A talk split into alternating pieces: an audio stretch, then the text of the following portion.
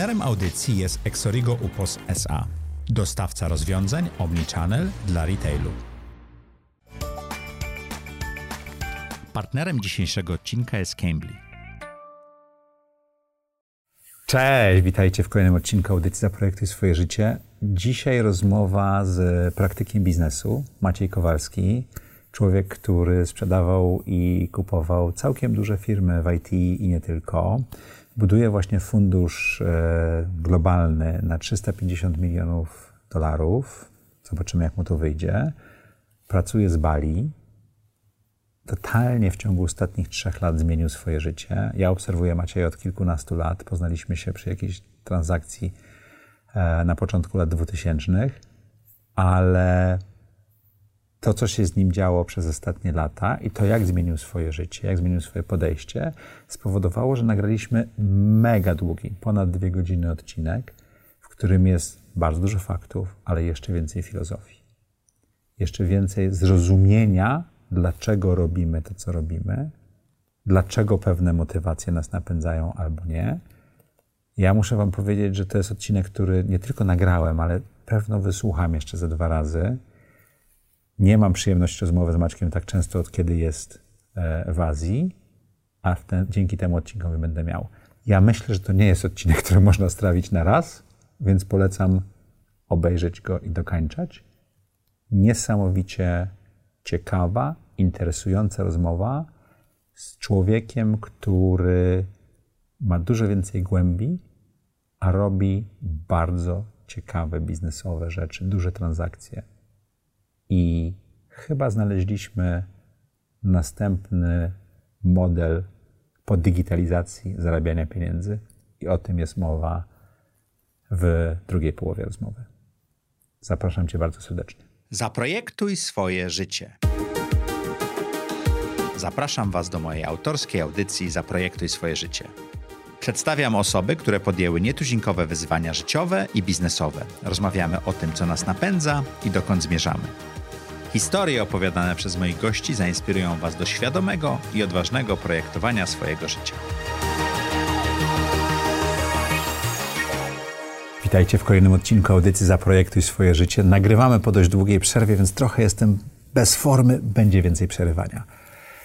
Jeżeli jesteście tutaj pierwszy raz, koniecznie dajcie nam lajka i zostawcie komentarz. Sztuczna inteligencja to lubi, a jak wiemy, sztuczna inteligencja powoli napędza wszystko, ale na pewno napędza algorytmy Spotify'a, YouTube'a, Apple Podcast i wszystkich platform, na których jesteśmy. A dzisiejszym gościem jest Maciek Kowalski. Dzień dobry Państwu. Jak są dwa Maćki, to będzie fajny odcinek. to, się, to się nam zdarza. Macieju, czy pamiętasz, kiedy pierwszy raz się spotkaliśmy? Szczerze mówiąc, powiem Ci nie. To chyba była transakcja przy Promedice 24. A, rzeczywiście, tak. To było tak. dawno temu. Maciek robił dużo transakcji. On kupuje i sprzedaje spółki od 20 lat? 20 lat, tak. Tak, więc będzie dużo o M&A'ach, czyli Mergers and Acquisitions. Magiczne słowo, ale też o przemianie. Tak, to było ciekawe spotkanie. I od tej pory pracowaliśmy też nad kilkoma spółkami. Jednej nawet nam się nie udało sprzedać. Dokonałeś wielkiej przemiany w swoim życiu, o której pogadamy, ale zanim do tego dojdziemy, to chciałem Ci zadać bardzo klasyczne pytanie do tej audycji. Jak do tej pory wyglądało projektowanie Twojego życia?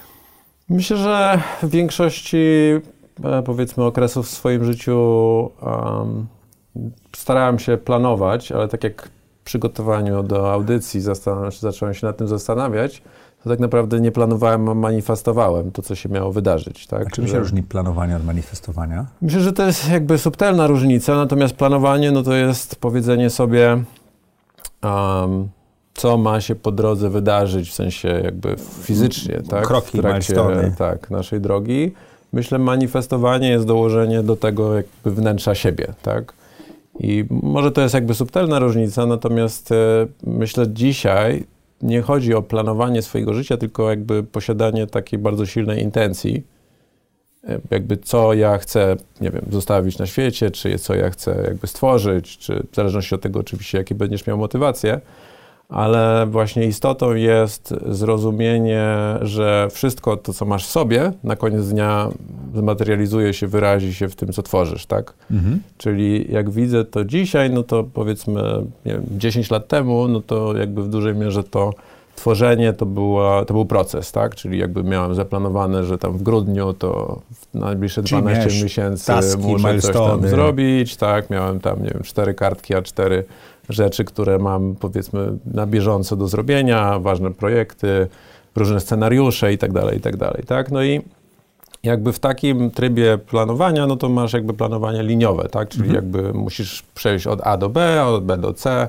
od C do D i tak dalej, i tak dalej. Jak przejdziemy w tej, w tej audycji do, do purpose, tak? Czyli tego jakby, jaki, co, jest, co jest naszym celem w życiu, to, to, to wszystko za, zamknie się jakby w jedną całość. Natomiast myślę, że ważna jakby posiadanie bardzo czystej intencji tego, co ja chcę zrobić, nie tylko buduje mi kierunek, w którym jakby kieruję swoją energię, natomiast przez to, że ta intencja jest czysta i jakby prawdziwa, no to też mam możliwość e, grawitowania do siebie różnych wydarzeń, Te, ludzi. te plany same się robią Tak. w pewnym sensie. Trochę można tak powiedzieć. Oczywiście one nigdy nie robią się same, tak, ale rzeczywiście jest tak, że dostrzegam, że w, w momencie, jak już wiem, czego chcę, nie wiem, nauczyłem się pewne rzeczy robić, nie robić, pewne rzeczy dostrzegać, no to im bardziej jestem w stanie wyczyścić tą swoją intencję, no tym bardziej zdarzają się rzeczy, nie wiem, można powiedzieć magiczne, tak, że Mhm. jednak zdarzają się, nie wiem, ktoś do mnie zadzwoni, czy spotykam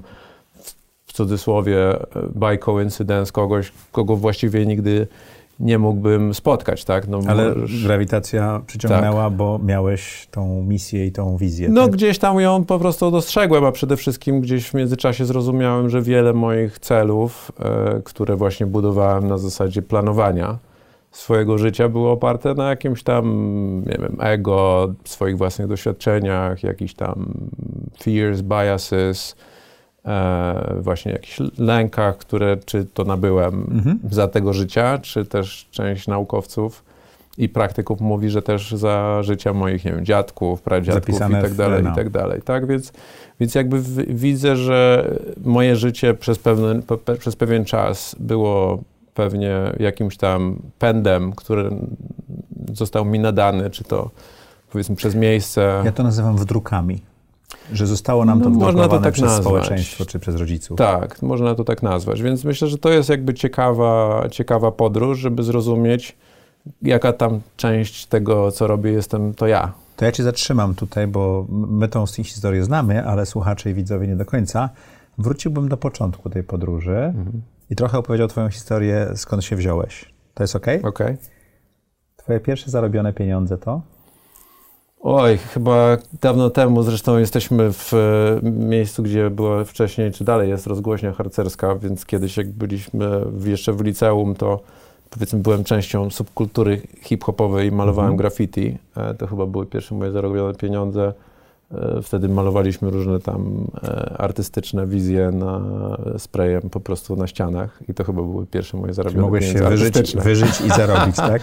zupełnie, zupełnie nie, nie pewnie związane z tym, co później robiłem w życiu. Skąd pomysł na e, biznes, studia biznesowe i wejście w tak trudną rzecz jak transakcje? Wiesz co, jakby to jest znów, e, myślę, w pewnym sensie jakiś tam zbieg wydarzeń, chociaż pewnie przejdziemy dalej, że nie ma rzeczywiście zbiegów okoliczności. I u mnie to tak naprawdę była, był dość duży e, zlepek różnych wydarzeń, no bo ja kiedyś chciałem być właściwie biologiem. E, O. To było no, dość dużo lat temu.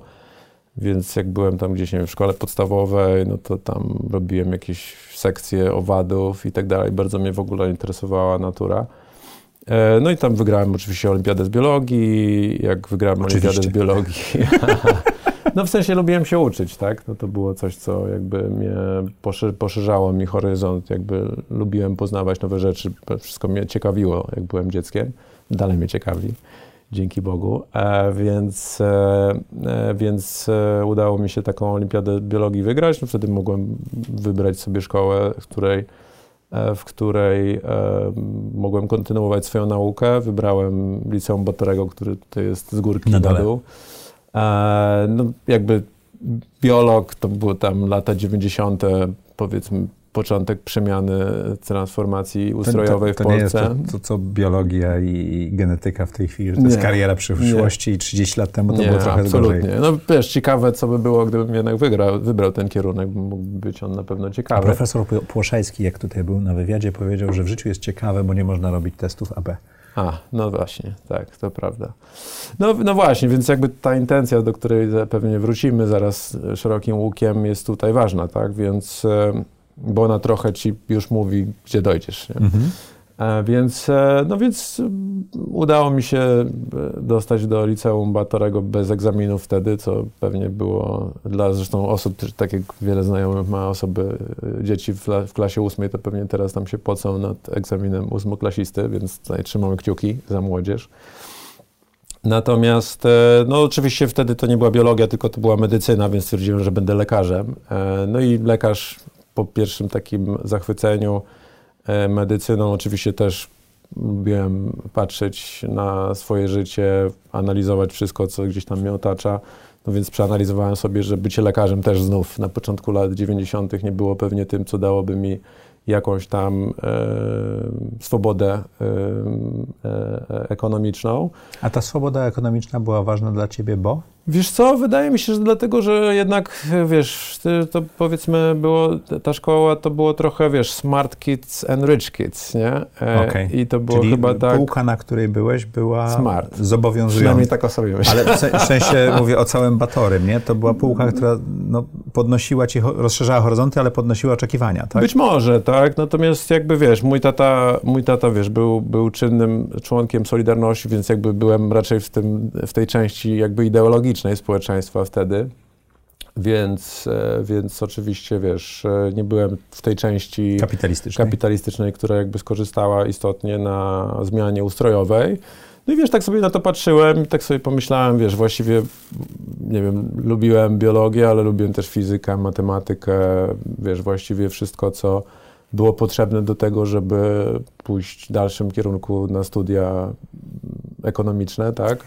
Czyli taki wniosek mam z tego, że środowisko, w jakim jesteś, ma olbrzymi wpływ. Tak. No to już mówił poszedł... John Stuart Mill, był wcześniej. Tak, tak. To będzie ciekawa rozmowa.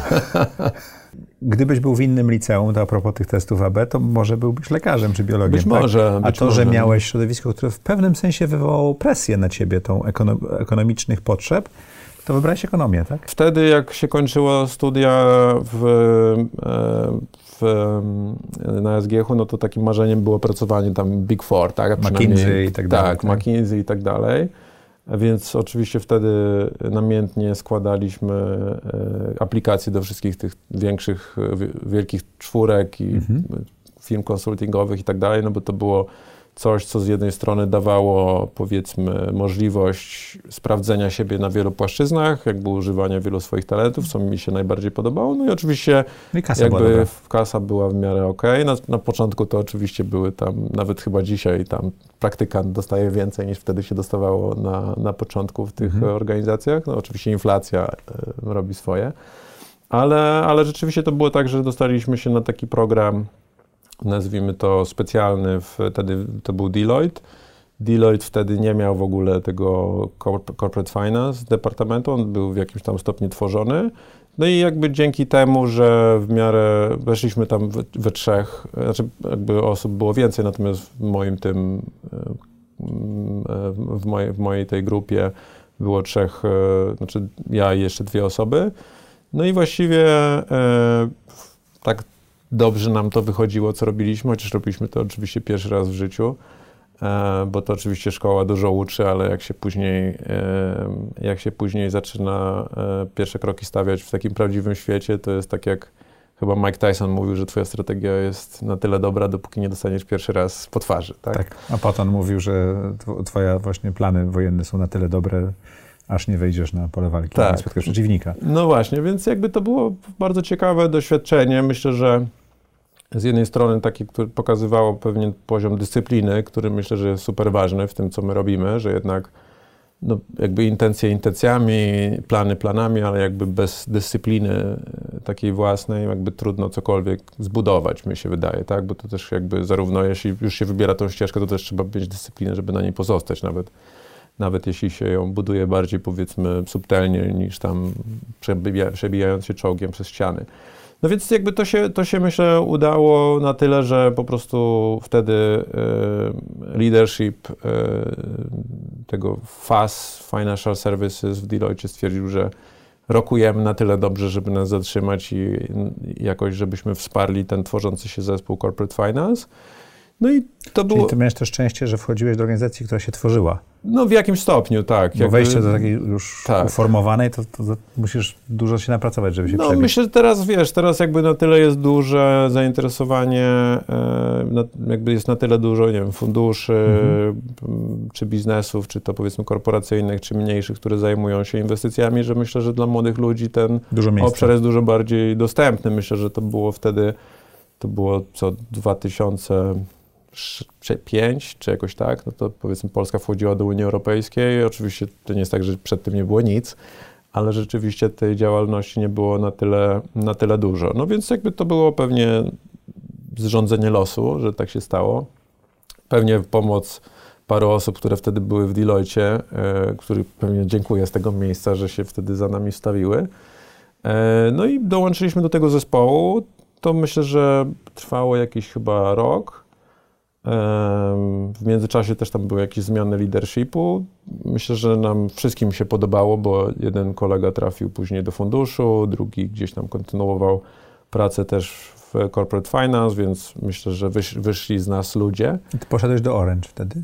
Nie, wtedy poszedłem, wtedy zaproponował mi e, współpracę Ed McDonald, czyli mhm. to był taki zespół, który wtedy wy, wyłączył się z ABN AMRO i e, jakby były, były chyba trzy osoby, takie powiedzmy e, Ed, Ula i Bartek wtedy, którzy... Czyli CAG. Tak, czyli CAG, którzy prowadzili ten, e, taki ten biznes. Butik, tra- butik tak, to był taki butik transakcyjny, natomiast wiesz, jakby Myślę, w porównaniu do tego, co, z czym butik się kojarzy, no to jednak e, myślę, że zarówno e, te transakcje, które CAG robiły, to były tak naprawdę transakcje, jakie każdy z dużych, e, może nie banków inwestycyjnych, które jak później duże przyszły. to były transakcje? Co największą, którą zrobiliśmy, to chyba była 400 milionów euro chyba zrobiliśmy. No to, to są olbrzymie już transakcje, jak pomyślisz tak? o tym na taką, taki zespół.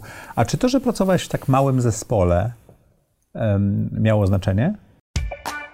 Cambly to platforma do nauki języka, dzięki której opanujesz płynnie angielski, rozmawiając jeden na jeden z native speakerami.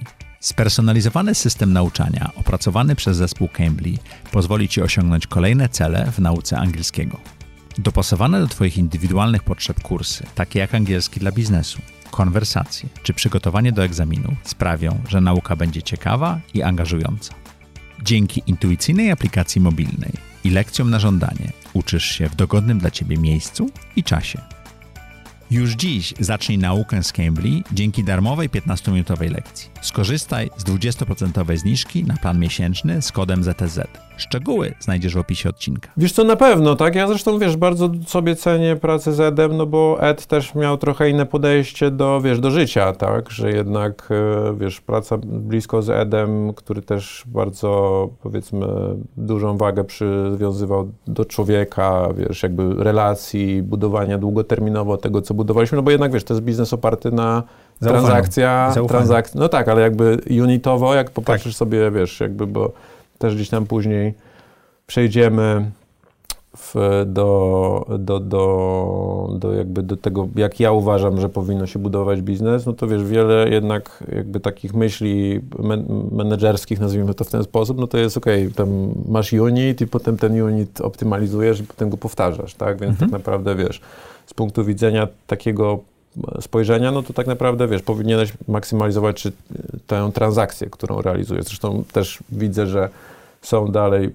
takie twierdzenia, że jesteś tak dobry jak twój ostatni deal, tak? No uważam, że jakby zbudowanie biznesu długoterminowego na takim mindsetie to jest w ogóle nieporozumienie, tak? Bo jakby... No, podnosi niesamowicie stres, powinien, tak? No, no, tak, ale poza tym to jest, wiesz, biznes, który jest jednak, tak jak powiedziałeś, oparty na zaufaniu, tak? No, jest twoim partnerem akurat w budowaniu transakcji jest e, ktoś, kto pewnie e, poświęcił dużo czasu, energii, na, to, na tym, żeby zbudować jakiś biznes, czy jest to przedsiębiorca. No, Często 20 lat swojego życia, tak? Tak, albo jest to oczywiście fundusz, czy, czy nazwijmy to inwestor profesjonalny.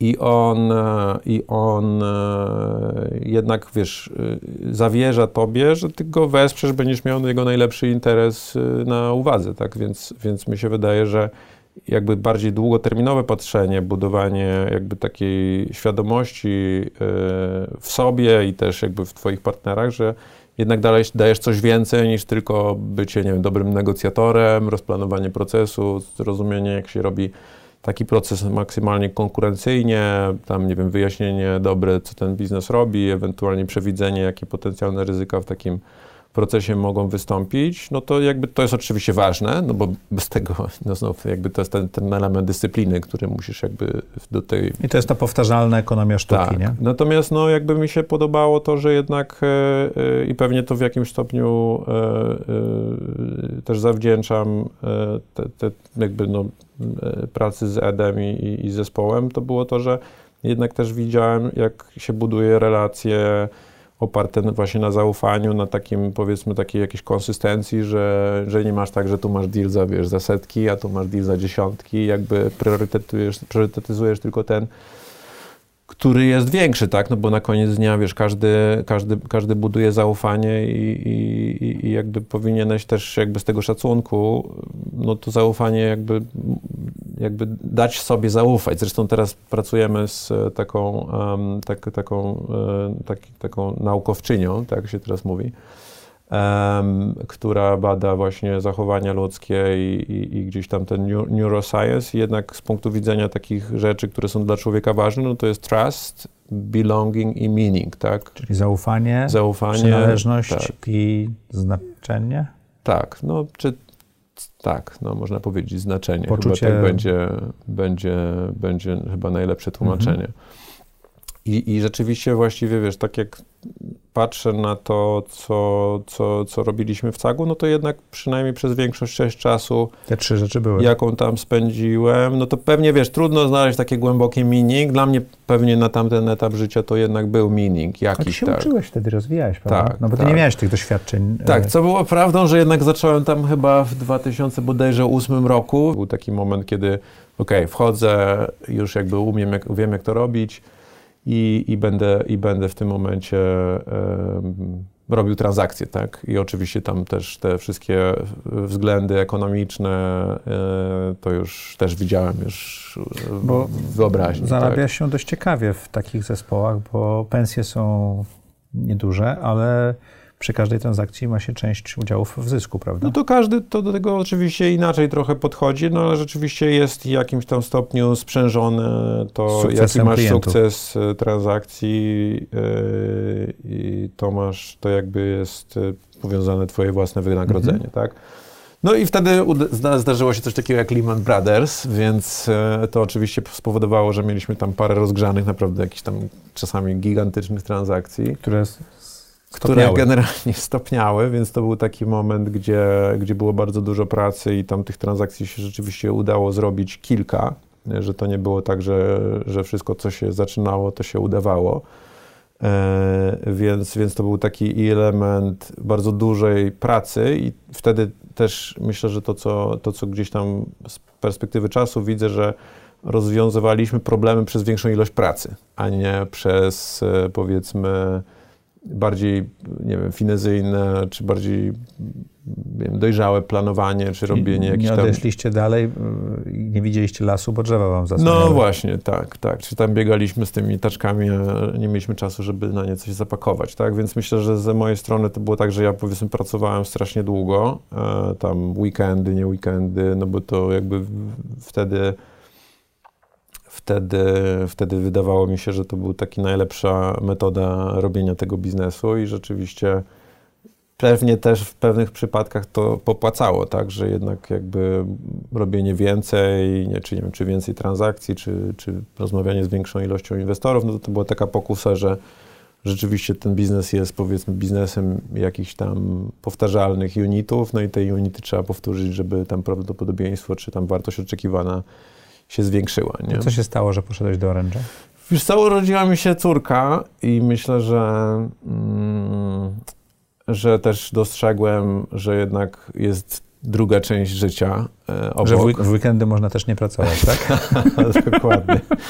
No a poza tym, wiesz, jakby widziałem, że, że, że, że, że, wiesz, że chcę też z nią spędzić czas um, i, też, i też, też, też, też czułem taką potrzebę, to wiesz, też masz, masz dzieci, że akurat dla mnie to był taki moment, kiedy kiedy, kiedy zobaczyłem, że wiesz, jest ktoś, kto ode mnie zależy w 100%, nie? Że, że jakby, jakby jeśli ja polegnę na tym, na tym jako rodzic w tym przypadku, no to już jakby nie ma, nie ma kogoś, kto złapie piłkę za mną. Nie, nie ma kolejnej siatki do łapania. Tak, więc, więc jakby, więc to myślę, myślę, że dla mnie taki był pewnie jeden z wielkich, dużych przełomowych momentów w życiu, że jednak e, poczułem, że powinienem troszkę, powiedzmy, e, wy, wytrymować ten samolot. Ale zostać w tym samym branży, zostać w tym samym wszystkim, tylko zmienić Tak, no i to trochę też oczywiście przyszło, wiesz, zupełnie niespodziewanie, bo zadzwonił do mnie headhunter i powiedział, słuchaj, no jakby jest taki tutaj tutaj takie opportunity, e, no i czy, czy, czy nie rozważyłbym dołączenia do wtedy, e, wtedy, to chyba jeszcze wtedy była telekomunikacja polska, to w międzyczasie się mm. zamieniło, to było dawno. Na Orange. I tam sprzedawałeś firmy takie jak Emitel, czyli duże, tak, duże tak, rzeczy. Też tak? duże, duże rzeczy, więc akurat zresztą to, że ten Emitel był gdzieś tam sprzedawany i wiedziałem, że to się będzie tam działo, E, no bo też pamiętajmy, że w Polsce e, mało rzeczy jest rzeczywistą tajemnicą. To też mhm. myślę, że specyfika naszego rynku, że dużo rzeczy tutaj jednak relatywnie szybko wiadomo. Wychodzi. E, więc to, to mniej więcej wiedziałem. Wiedziałem, że pewnie Orange czy wtedy Telekomunikacja Polska ma jeszcze parę aktywów. Miałem jakąś taką głęboką nadzieję, że to nie będzie tylko sprzedawanie, więc powiedziałem sobie, ok, no będzie pewnie trochę lepszy live E, work-life balance, jeśli coś takiego w ogóle istnieje. E, no i powiedzmy, po, po, przeszedłem wtedy do Orange'a. E, to oczywiście instantly zmieniło mój um, tryb życia, no bo mogłem sobie wychodzić tam powiedzmy w większości przypadków, nie wiem, o 17 czy 18 do domu. Co było ewenementem? Co było ewenementem, zresztą e, czasami dzwoniłem do moich znajomych, którzy pozostali jeszcze w bankowości inwestycyjnej czy funduszach i i, i, i, jakby i powiedziałem i mówiłem, że właśnie jadę do tego. No ty masz taką nutę złośliwości, tak? Tak, tak, tak. tak. Wtedy miałem, nie? Teraz może też, nie? Ale... Jak Maciek wszedł, zaczęło się od dobrej złośliwości, więc to nie jest tak, że wtedy miał. Ale to jest, wiesz, tylko moja jakby, wiesz, moja, mój token jakby zażyłości bardziej, nie? Że jednak e, taki mischievous, ale ale rzeczywiście no, jakby to mi dało możliwość rzeczywiście, wiesz, bycia trochę bardziej z rodziną, rzeczywiście takiego, wiesz, co, też zbudowania relacji. Z... Co ci dała ta przemiana? Y, ja nie mówię o biznesie, bo w biznesie rozumiem, że to też się zmieniło. Duża, duża firma na pewno inaczej jest prowadzona niż mała. Ale to, że nagle dostałeś te 40 godzin czasu więcej w tygodniu.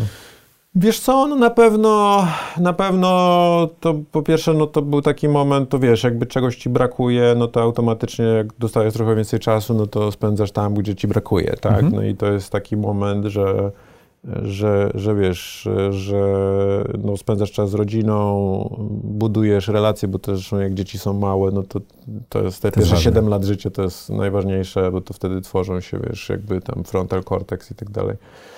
Więc te, te, te najważniejsze funkcjonalności mózgu, no i w jakimś stopniu osobowość, więc jakby nie, nie być i w ogóle wszystkim młodym rodzicom, ojcom, y, którzy mogą tego słuchać, polecam, żeby naprawdę w pierwszych siedmiu latach życia spędzili czas ze swoimi dziećmi, bo to naprawdę na przyszłość zaprocentuje. I, i, I to na pewno było dla mnie ważne, że jak widzę też, jaką mam relację dzisiaj z córką, chociaż też dużo pracuję e, i pracowałem, e, że, że jakby to jest, było bardzo dla mnie wartościowe. Natomiast no wiadomo, w którymś momencie jakby to czułem się trochę jak koń wyścigowy w boksie dalej, tak? Więc jakby chciałem robić trochę więcej. No, a duża firma, ta, duża firma ma duża, swoje tempo. Tak, duża firma ma jednak swoje tempo.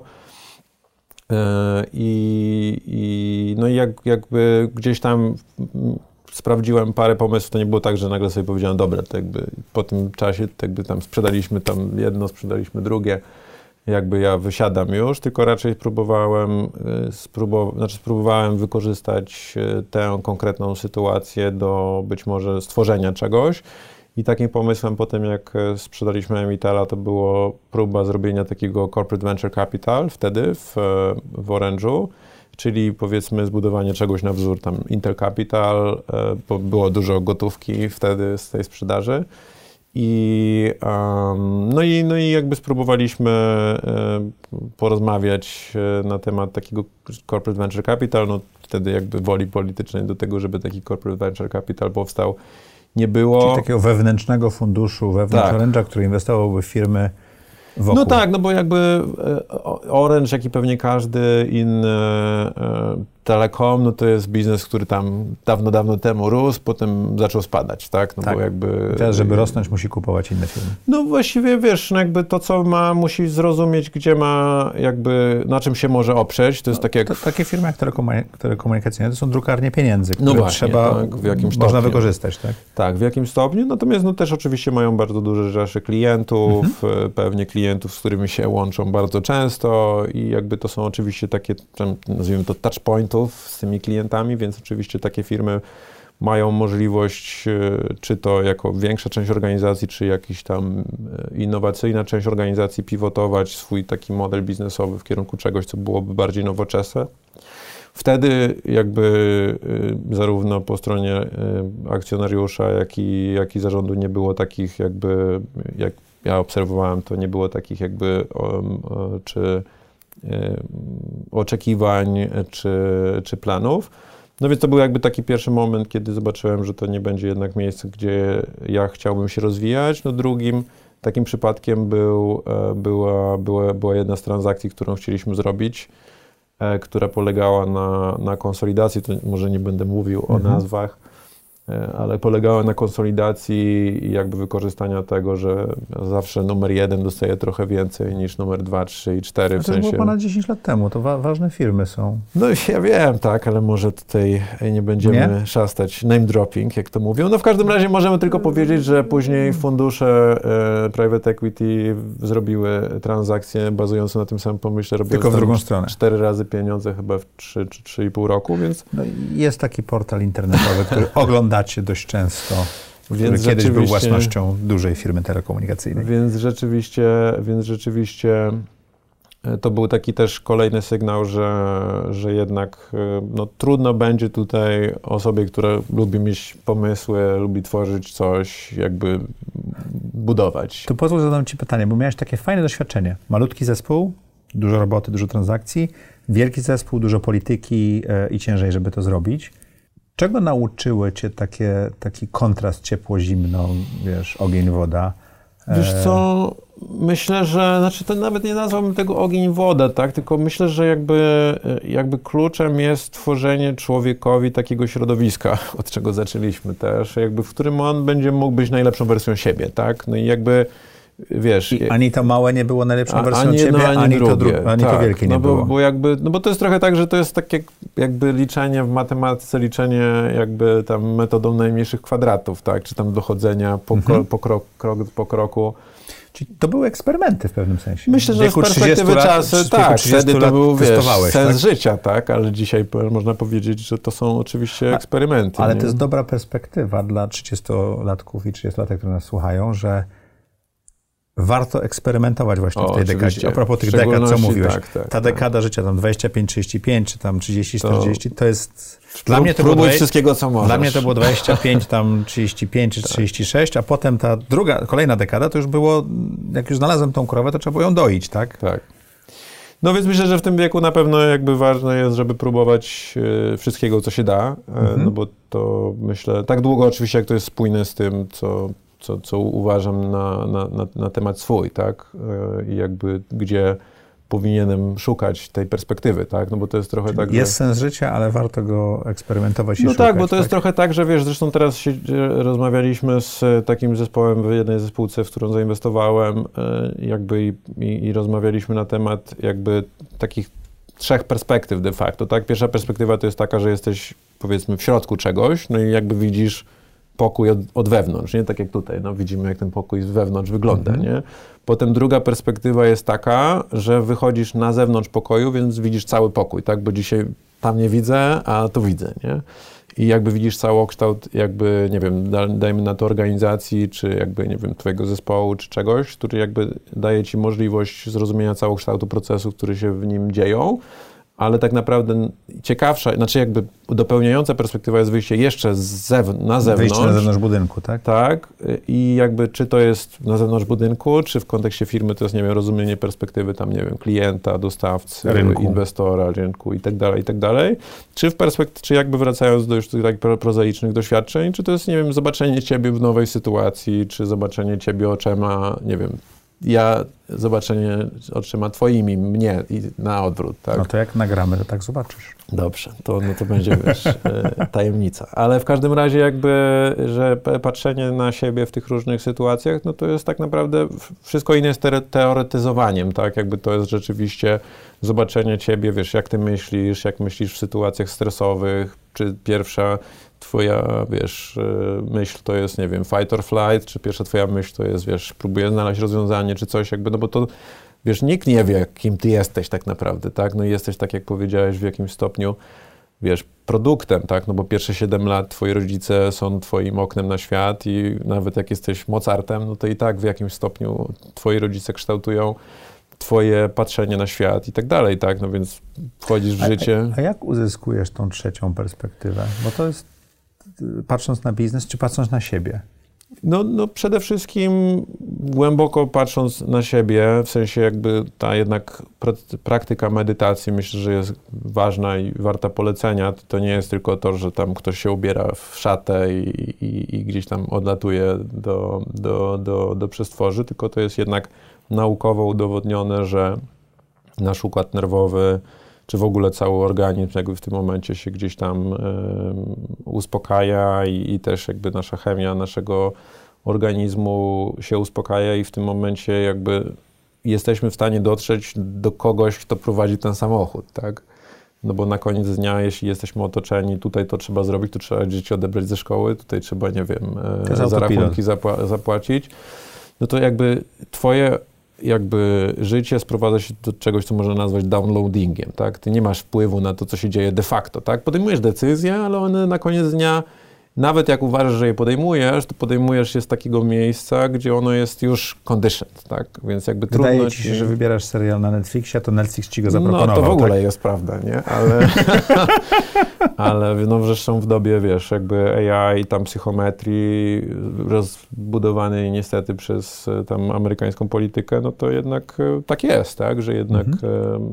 e, że jednak dużo decyzji, które wydają się twoimi decyzjami, twoimi decyzjami nie są, więc więc ważne jest tutaj, e, bym powiedział, mieć taki moment samemu ze sobą, po pierwsze, a po drugie też jakby rozumienie siebie w relacji z innym człowiekiem, tak? No i tutaj oczywiście, nie wiem, nazwijmy takie bliskie relacje typu małżeństwo, czy relacje z swoimi dziećmi są w jakimś tam stopniu pewnie pierwszym takim poziomem, no bo wiesz, jakby pewnie tam kiedyś rozmawiałem z takim guru, który mówił, jakby dopóki nie będziesz w związku z kimś, tak, to nieważne, czy to jest kobieta, mężczyzna, czy tam ktokolwiek, y, ktoś bliski, gdzie ty jakby ten swój, ten swoje barierę po, po prostu wiesz, opuszczasz. opuszczasz.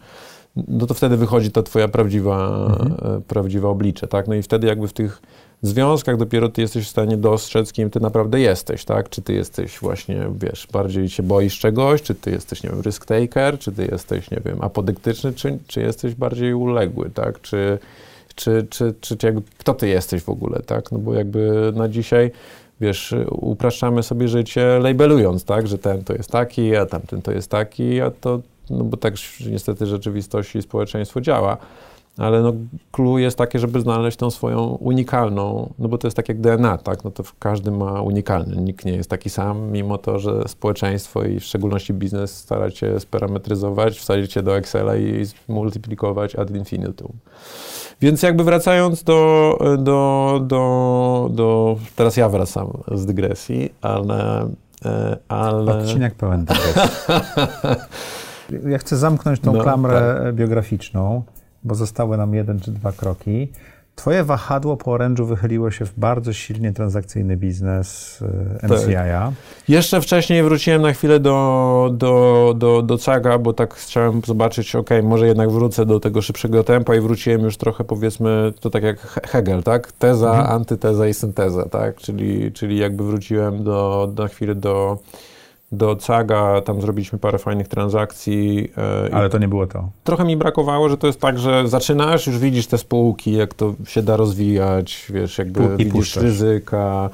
Tutaj starasz sobie zbudować tą całą przestrzeń e, w głowie czy wyobraźni i, i, i widzisz być może kolejne kroki, jakie te spółki mogłyby e, budować. Zresztą pracujesz z zespołami e, nad tymi modelami i tak dalej. Jakby trochę to dla mnie było, zresztą obserwowałem te spółki, jak sobie radzą później, bo to też zawsze fajnie, jak sprzedajesz spółki i ona dobrze idzie, to wtedy łatwiej ci sprzedawać kolejne znów, jakby szukanie, wiesz, tej efektu kuli śniegowej w tym, co robisz. No i jakby brakowało mi czegoś takiego, gdzie rzeczywiście miałbym e, większy wpływ na to, co te spółki robią później, nie? No i jakby to private equity wydało się takim, powiedzmy, możliwie najbardziej Rozsądne. ciekawym krokiem, tak, czy rozsądnym. E, No i, no i tak naprawdę e, tam rozmawiałem z kilkoma funduszami, w końcu, w końcu dołączyłem do MCI.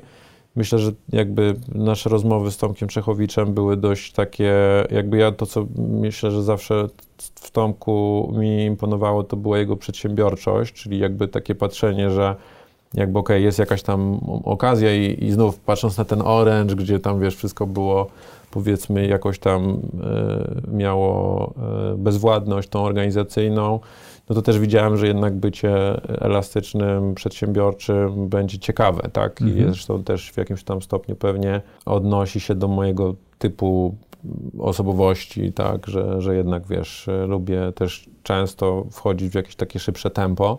Podejmować ryzyko. No na pewno, tak. Myślę, że to jest też tak, że jednak w private equity to uczysz się podejmować to ryzyko dupe- zupełnie mm, tak przemyślane, tak, że to nie Mhm. jest tak, że po prostu nagle sobie mówisz, wiesz, zaryzykuję, bo tam, nie wiem, tutaj ktoś coś wymyślił, tak, jednak e, To myślę, nie jest że... ruletka, liczysz karty. Tak, zresztą jak dołączałem do MCI, no to MCI jednak inwestował w e, biznesy w takiej formule powiedzmy growth, e, Mhm. czyli powiedzmy taka sta- standardowa inwestycja to była pakiet mniejszościowy, wchodzenie w ramach rundy, inwestowanie w spółki, które mają bardzo dużą, e, bardzo duży potencjał i, i, i, i gdzieś tam powiedzmy y, korzystanie z trendów y, cyfryzacyjnych, tak, ale pewnie bardziej nawet poza Polską niż w Polsce. Myślę, to co nam się wspólnie udało zrobić, to była konwersja, bo tam relatywnie szybko zostało mi zaproponowana e, taka możliwość zarządzania funduszem e, buyoutowym, e, który powiedzmy gdzieś tam w okolicach mojego dołączenia do, e, do MCI powoli powstawał i przestawienia tej organizacji na, e, na jednak robienie inwestycji większościowych, bardziej przemyślanych, takich, gdzie jednak jesteśmy w stanie to nasze doświadczenie, które jako organizacja zdobyliśmy w, no- w nowych technologiach, No i masz większy wpływ na organizację. Jak no właśnie, tak. I myślę, że to jakby ten w jakimś stopniu ten wpływ e, e, rzeczywiście okazało się, że mamy dobry i pozytywny, że jednak patrząc na performance funduszu, tak z perspektywy całego tego okresu, średnio 30% e, rocznie zwrotu, no to uważam, że coś całkiem niezły zwrot. Pewnie dało się lepiej, zawsze. I pewnie jak patrzę na to z perspektywy czasu, to pewnie mając dzisiejszy mindset, y, jakby patrząc na inny trochę typ budowania wartości, no to wydaje mi się, że pewnie pewne procesy, które, które miały miejsce historycznie, pewnie poprowadziłbym trochę inaczej i pewnie czy możliwości mogłoby być więcej, czy, czy, czy, czy ryzyk mniej, tak? Więc, więc myślę, że natomiast no, oczywiście ten okres, no to jest okres bardzo ciekawy. To jest okres, w którym tak naprawdę jesteś w stanie od początku do końca coś stworzyć, tak? Oczywiście to nie jest też tak, że tworzysz coś od nowa, natomiast jednak masz możliwość znalezienia celu inwestycyjnego firmy. Wtedy jeszcze nazywałem to celem inwestycyjnym, dzisiaj to nazywam raczej zespołem, bo nie da się zrobić biznesu nawet jest super high-tech bez, bez ludzi um, i, i, i, i, znalezienie takiego, takiego projektu, jakby właściwie wszystko można tam ruszać na koniec dnia, tak? Bo można zrozumieć jakby jak, gdzie spółka, gdzie jesteś w stanie spółkę rozwijać na poziomie przychodów, gdzie jesteś w stanie ją optymalizować w kontekście modelu biznesowego czy kosztów. Tak, czy jakby w jaki sposób e, budować zespół, e, co też nie uważam, że robiłem pewnie wtedy najlepiej. Myślę, że to jest taki główny obszar jakiegoś takiego dalszego mojego, myślę, rozwoju, do, do, do czego zaraz e, dojdziemy. Ale, ale zrobiłeś też wielkie transakcje, no, szczególnie na rynku ICT w Polsce, bo to ABC Data, ATM, to były duże wyjścia. No tak, tak. Natomiast no, jakby, wiesz, skala, no to oczywiście jest, wiesz, ważna, no bo jakby im jest więcej, tym jest więcej, jak to mówią. Natomiast, wiesz, samo to, że jakby tworzysz, to myślę, z mojej perspektywy było ciekawe, nie? Że jednak... E, ale, ale te transakcje pozwoliły ci dokonać przemiany życiowej, bo dały ci swobodę finansową myślenia, dało ci wolność finansową, mhm. no bo tak jak mówiłeś już CAG, jesteś częścią, y, twój, twój zarobek jest, wynika z sukcesu i jest jego częścią. E, więc ja, ty je minimalizujesz w tej chwili, ale one w pewnym sensie są u podstaw tego, co robisz teraz.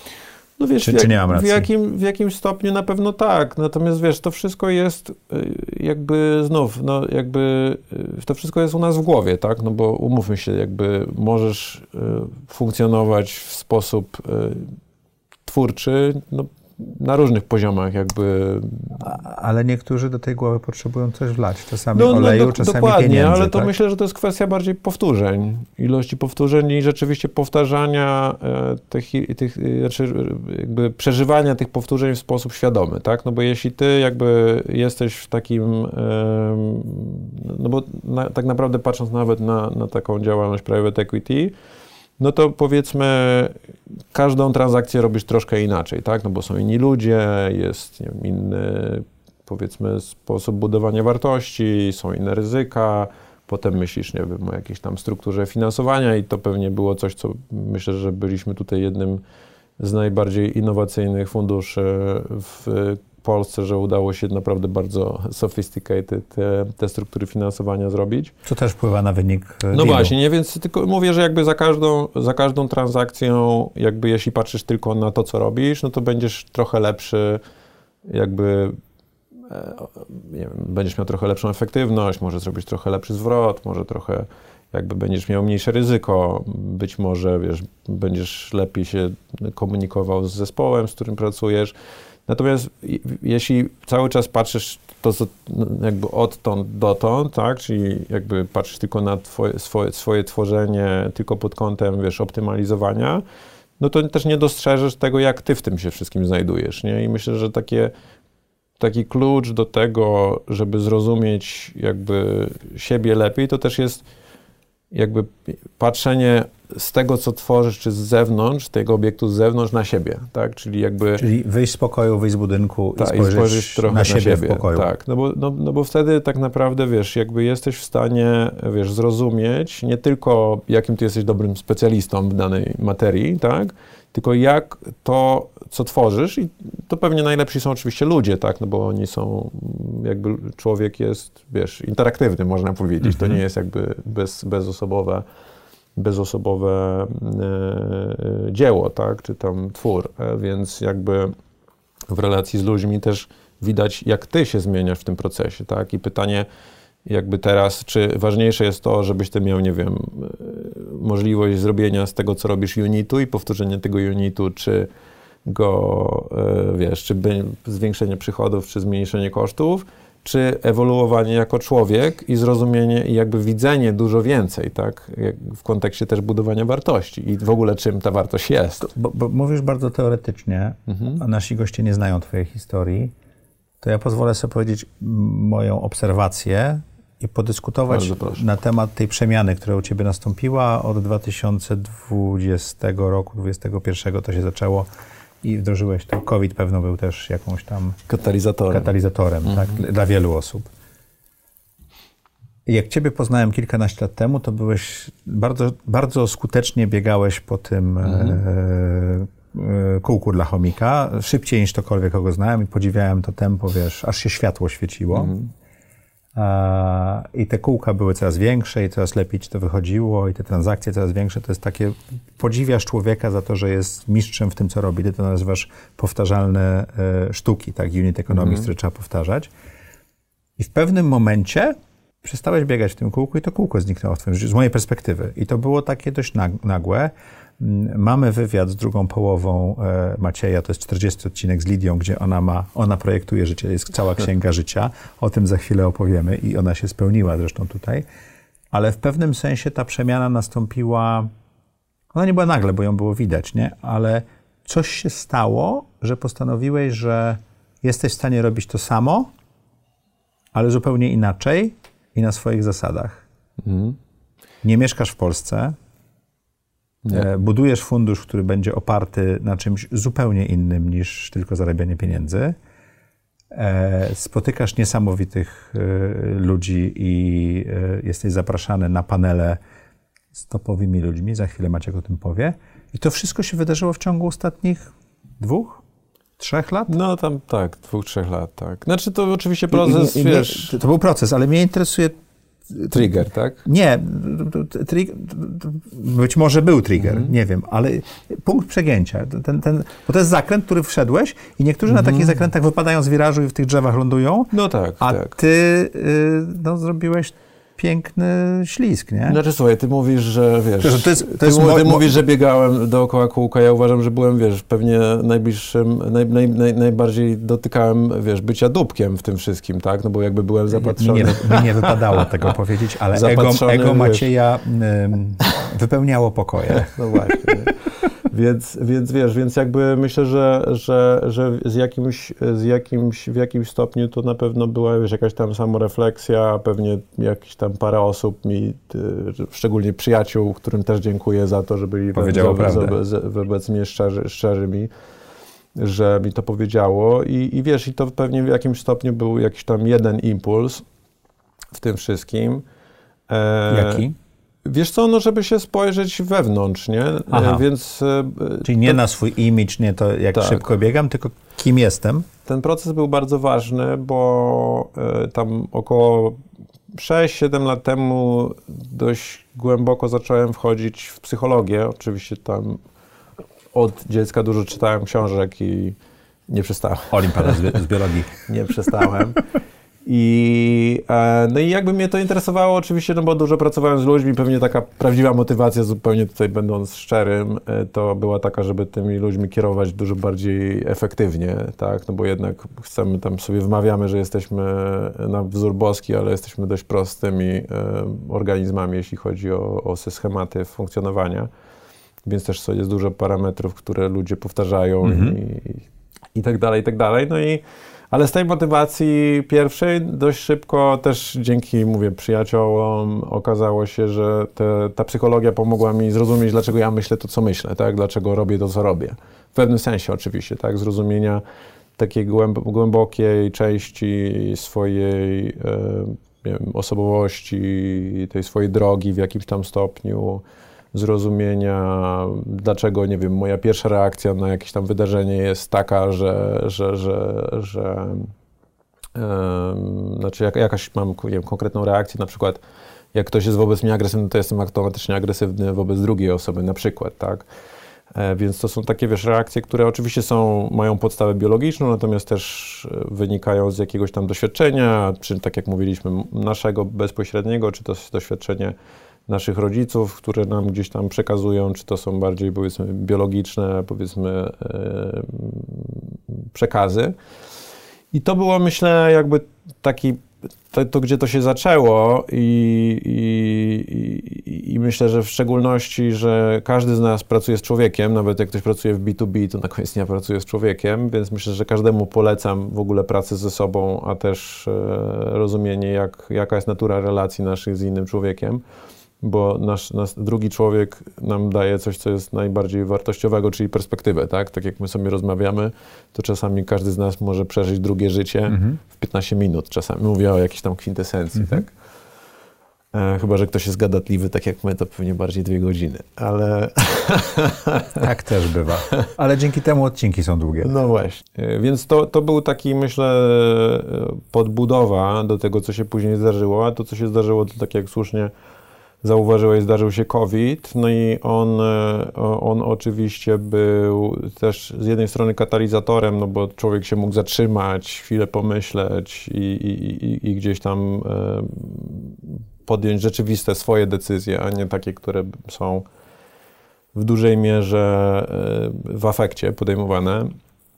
E, no i jak ten COVID się gdzieś tam zaczynał, to w ogóle było ciekawe, bo, bo pojechaliśmy e, z żoną i z dziećmi na Bali, bardziej tak powiedzmy wczasowo, ale też zupełnie coincidentally, dlatego to jest tak dużo tych coincidence, że w końcu zaczynasz wierzyć, że Przypadki to nie jest rządzą naszym, jednak naszym życiem, coincidence, tak? tak.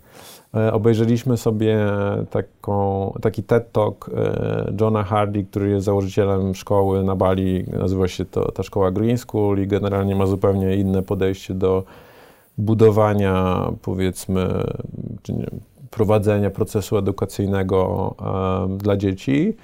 On oczywiście swoją drogą był zainspirowany przez e, Alagora i tam Inconvenient Truth, więc to też wrócę do tego później, że jakby myśl z, re, z reguły jest nieskończona, znaczy ona nie ma barier, tak, tak jak kapitał, praca, ona zawsze jest gdzieś tam przełożeniem na materię, ona zawsze będzie ograniczona, to myśl jest nieograniczona, bo jedna myśl może tak naprawdę pączkować nieskończoność i akurat to jest dobry przykład, ja wrócę do niego. No i tak nas to zainspirowało w tym, to był chyba luty 2020, że jednak pomyśleliśmy tuż sobie... w Polsce. Tak, że to był jednak taki moment, że okej, okay, może, może jednak e, to będzie, e, będzie ciekawe miejsce, gdzie, gdzie można przez chwilę spędzić czasu, żeby, żeby dzieci znalazły trochę też inną perspektywę.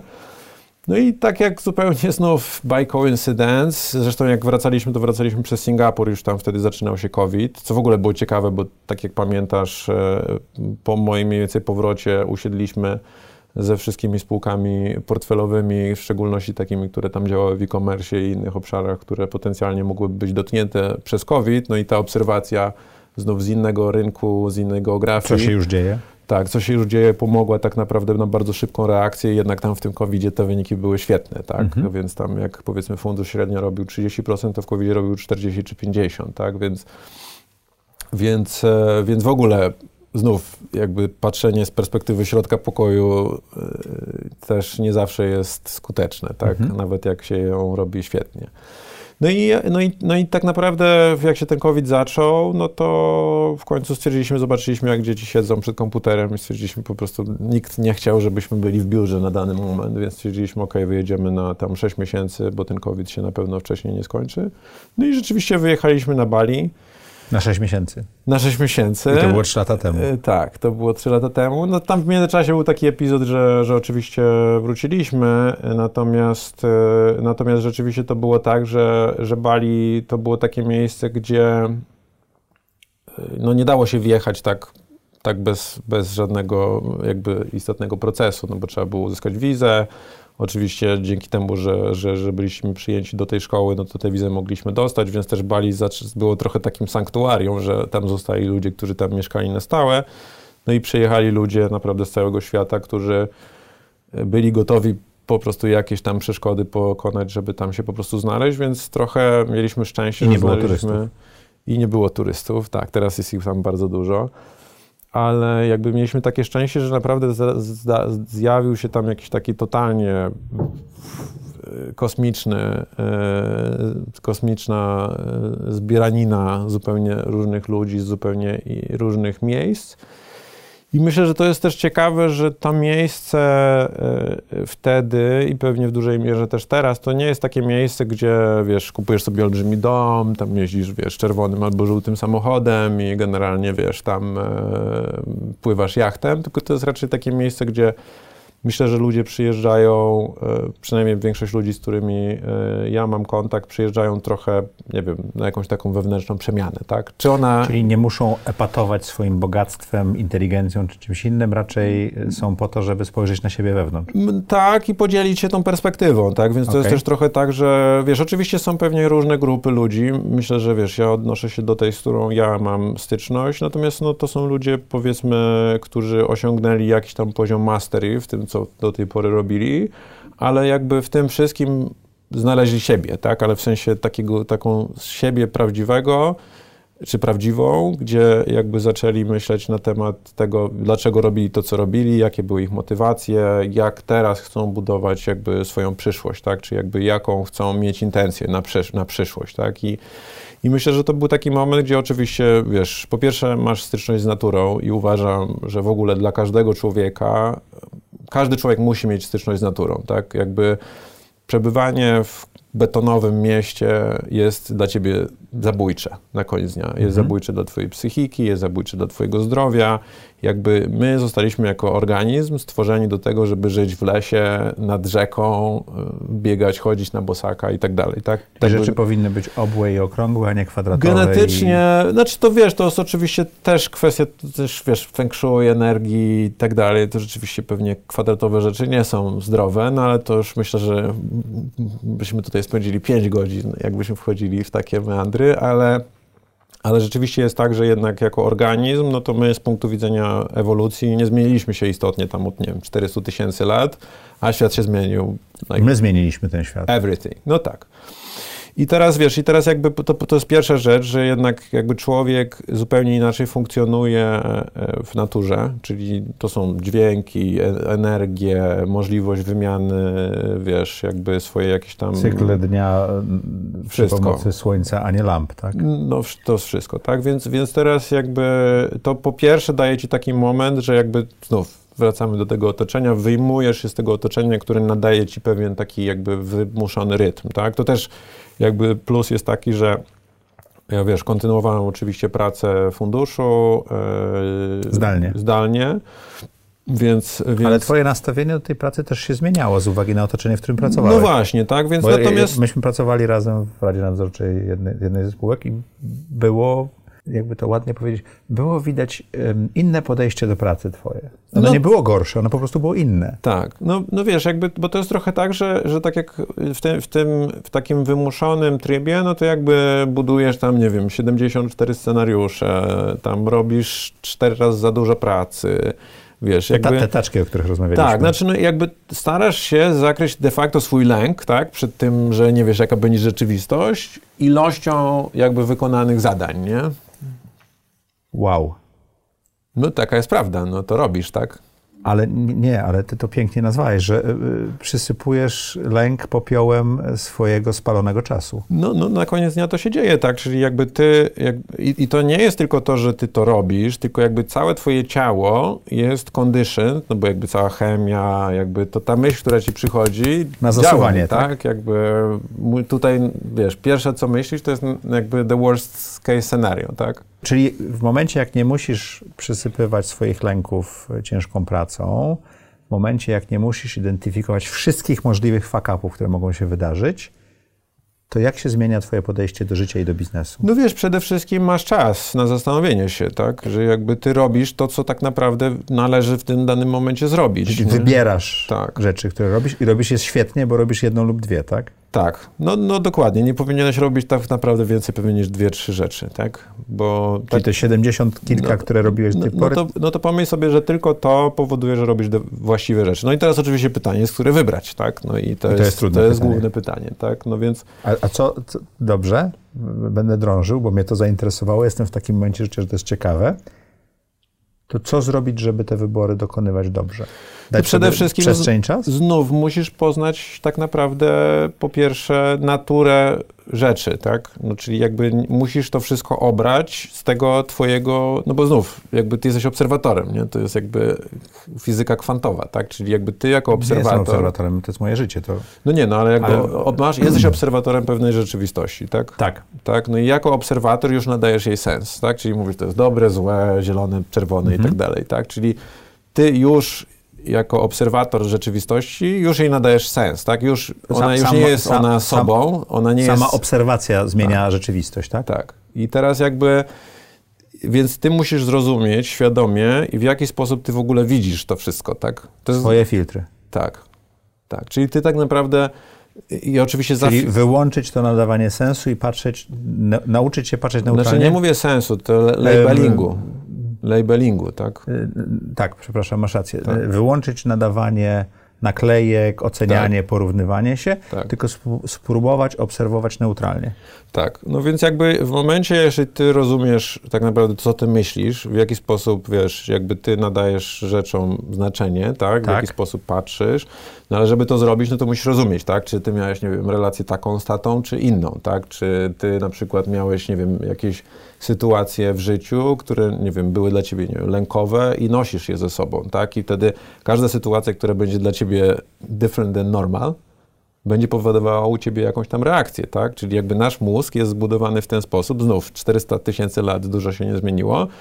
Jak wychodzisz z jaskini i tam ta trawa wygląda inaczej, no to pierwsza dla ciebie reakcja jest lękowa, bo za tym może się tam kryć, nie wiem, lew czy tam inny jaguar, który cię po prostu zje, tak? No i oczywiście ze względu na ewolucyjnie, to my w ogóle nie tylko z naszego poprzedniego tam powiedzmy pierścienia e, ewolucji mamy mamy to, tylko to jest tam dużo dalej. No jakby pierwsze organizmy generalnie powstały na zasadzie chronienia twojego życia, tak? Czyli jakby, żeby jakby te wszystkie mechanizmy przeradzają się teraz w czymś zupełnie bardzo, wiesz, wyspecjalizowanym, subtelnym, czyli jakby działalność biznesowa, tak? I teraz ty musisz zrozumieć, że jakby dalej masz pewne zwierzęce odruchy w twojej tam, nie wiem, jakby układ limbiczny, który będzie jakby nadawał tobie w jakimś stopniu sens tego, co widzisz. I wtedy warto poczytać Kahnemana również i nauczyć No się... na przykład, tak, to pewnie Kahneman, Twerski to są pewnie jakiś tam jeden, jeden, jeden kierunek patrzenia na to, wiesz, gdzieś tam rozumienie w ogóle, wiesz, jakichś tam behawioralnych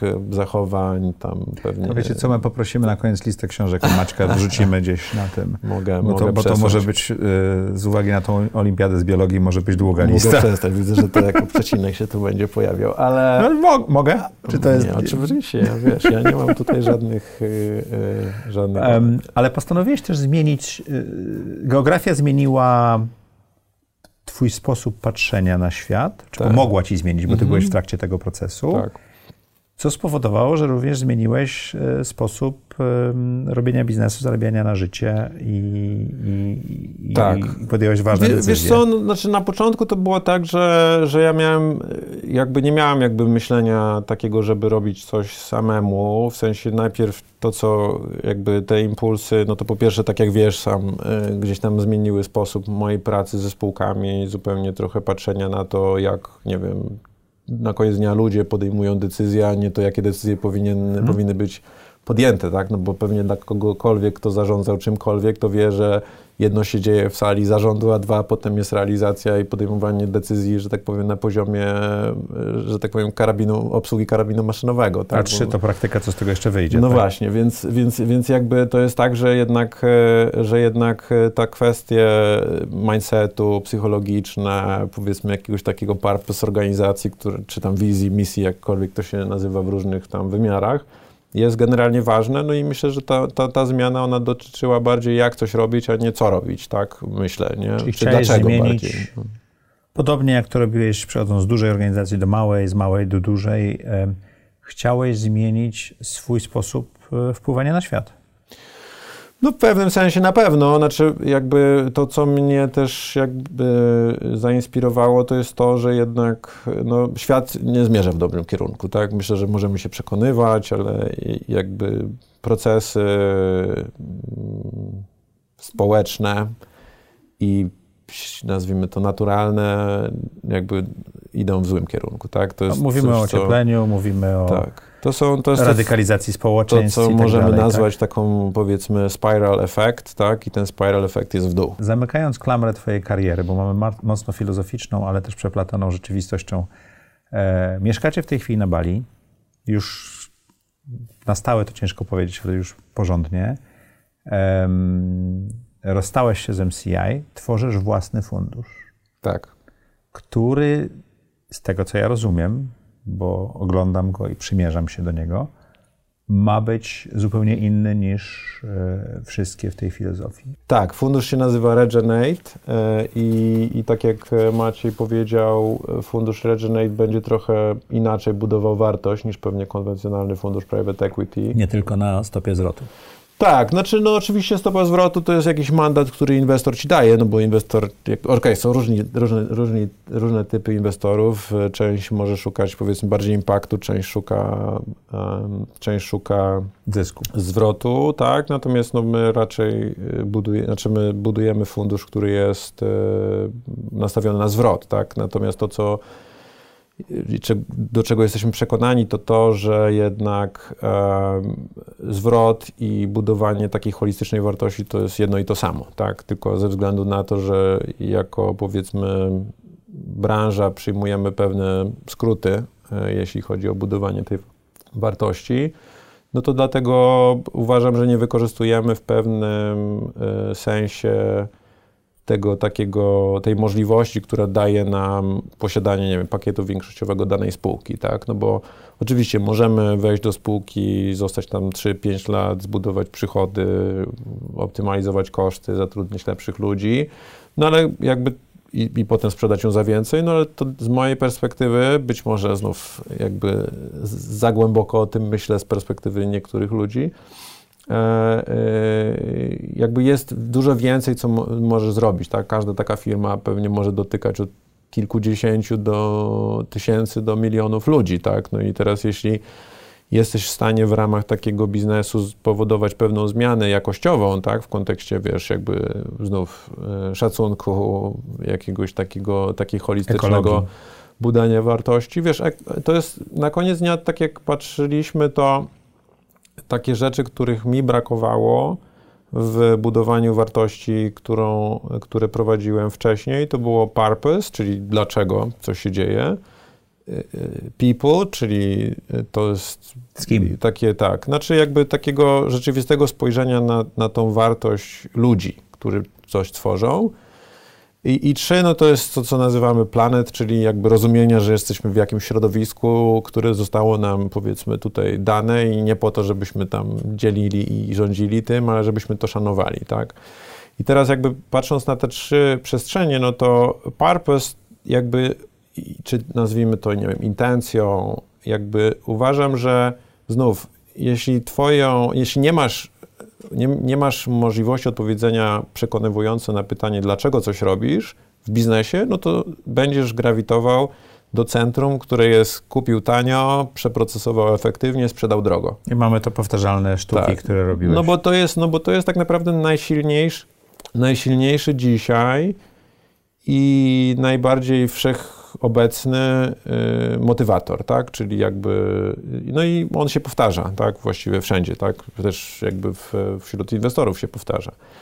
Natomiast nie dasz, nie ma możliwości jakby po pierwsze, nie zatrudnisz ludzi, którzy są zbieżni z celem tej organizacji, tylko zatrudnisz ludzi, którzy chcą zarobić dużo pieniędzy, tak? Nie zbudujesz relacji z dostawcą, klientem i tak dalej, który będzie szukał czegoś więcej, tak? No bo jeśli znaczy mówię, jakby im to dalej pójdzie, tym bardziej to będzie, nie wiem, wszystko tanio, albo, albo tam y, budowanie relacji z dostawcą oparte na jakichś tam, wiesz, e, A przeżeniach zwrotnych. inwestować? To, to zaraz do tego pójdę. Nie Dobrze. chcę tylko stracić jakby tego, tego tych, tych jakby tych wartości, bo to jest ważne, tak? Więc jakby, że, więc, więc z perspektywy tego celu jakby te firmy, które są w stanie głęboko odpowiedzieć na ten cel, one są w stanie też budować ekosystem, tak? Czyli nie tylko, że one muszą, wiesz, tam wiosłować tą łodzią, tylko też są w stanie zbudować cały ekosystem, który im w stanie jest pomagać, mhm. tak? I, I, to nie, I to jakby multiplikator wartości jest nie tam parę razy, tylko pewnie parę dziesiąt razy, tak? Mówię w, nie mówię w kontekście całej wartości spółki, ale pewnie wielu procesów, które takie spółka prowadzi.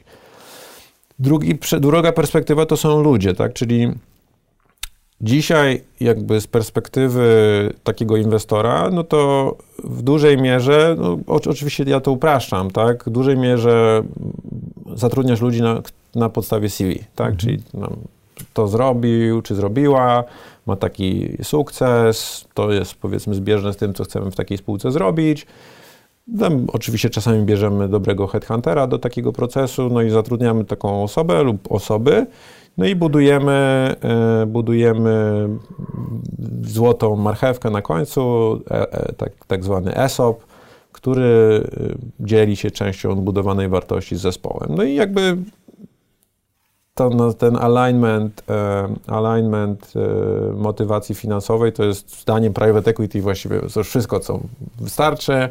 Już to są dojrzali ludzie, oni jakby tym się zajmą i, i, i super, tak? Natomiast patrząc, gdzie jest właśnie, wiesz, behavioral science, neural science, wiesz, jakby rozumienie w sposób, zarówno jak jednostka funkcjonuje, jak ona funkcjonuje w zespołach, jak bardzo ważna jest ta podświadomość, y, wiesz, że każdy jednak wchodzi ze swoim bagażem do takiego zespołu, tak, y, to my używamy tam, nie wiem, 3% wiedzy jak to się robi, tak? E, czy wręcz jakby sama organizacja, tak? No, jeśli ty masz, nie wiem, innowacyjną spółkę, a dalej ona ma, wiesz, jakby strukturę e, tam, nie wiem, e, piramidalną, czyli tam wiem, średniowieczną, czy tam archaiczną strukturę, która tak naprawdę, wiesz, buduje Feuda wszystko feudalną, feudalną tak? tak? Buduje wszystko, że jest jedna osoba, która ma wszystko wiedzieć,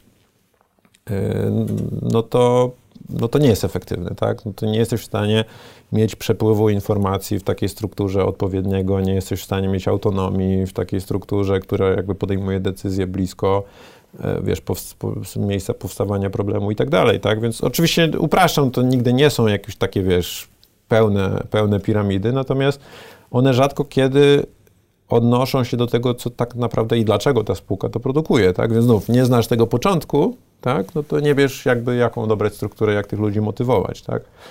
No i trzecia rzecz to jest właśnie planeta, ale planeta patrząc, jakby patrząc na to zarówno z perspektywy, wiesz, no jeśli się sami potrujemy, no to już nas nie będzie, tak? I wcześniej czy później jakby te... Planeta sobie poradzi. Tak. I, i to, to pewnie też jest ciekawe, bo planeta ma zaszyte, zaszyte takie mechanizmy obronne, na przykład jeśli pszczoły wyginą, to ludzie trzy lata później, nie? I to są takie rzeczy, których, wiesz, nie widać w wielkich tam płatach lodowych i tak dalej, nie? Więc więc to jest oczywiście ważne, żeby biznes y, o to dbał, bo też jednak biznes produkuje tam, nie wiem, 70% cash flowów czy wartości na świecie, więc jakby no, to jest duża część tego, co się dzieje na świecie.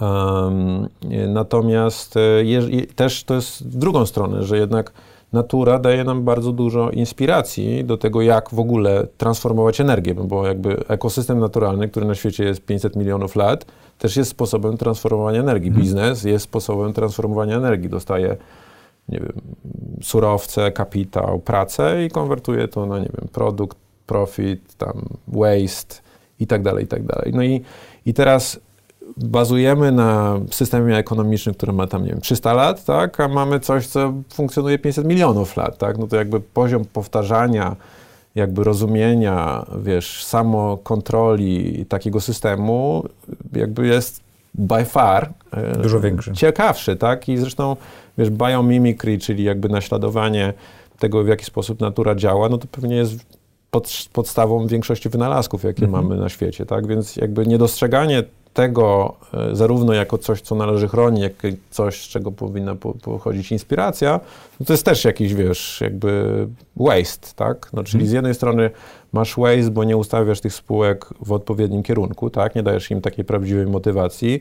Po drugie, ludzie, którzy de facto są odpowiedzialni za budowanie tej wartości, ani oni nie są, z, z, wiesz, skoordynowani, ani oni nie są wiesz, zmotywowani, ani nie, jakby nie tworzysz im znów środowiska, które by ich, e, które by ich jakby prowadziło w odpowiednim kierunku.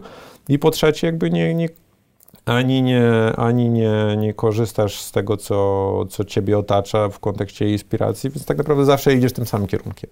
On jest może czasami lepszy, czasami gorszy, ale tak naprawdę nie wnosisz do tego systemu niczego, niczego ciekawszego. I teraz jakby patrząc na, wiesz, no to wszystko jest oczywiście filozofia, tak? I możemy sobie tutaj rozmawiać i tak dalej, ale inwestor się zawsze pyta, no dobra, tam where's the money, nie?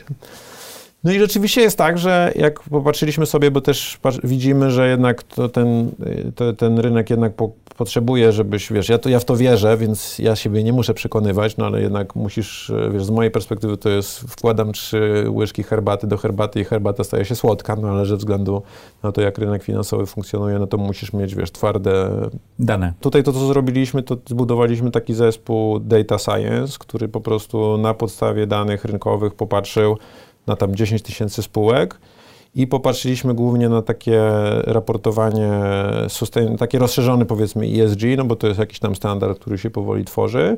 I też jak sobie na to popatrzyłem filozoficznie, to też i w ESG to jest jak efektywnie biznes transformuje materię, tak, czyli mhm. form, formule materialnej, tak, czyli jakby surowce, tam woda i tak dalej, waste, tak, prawda?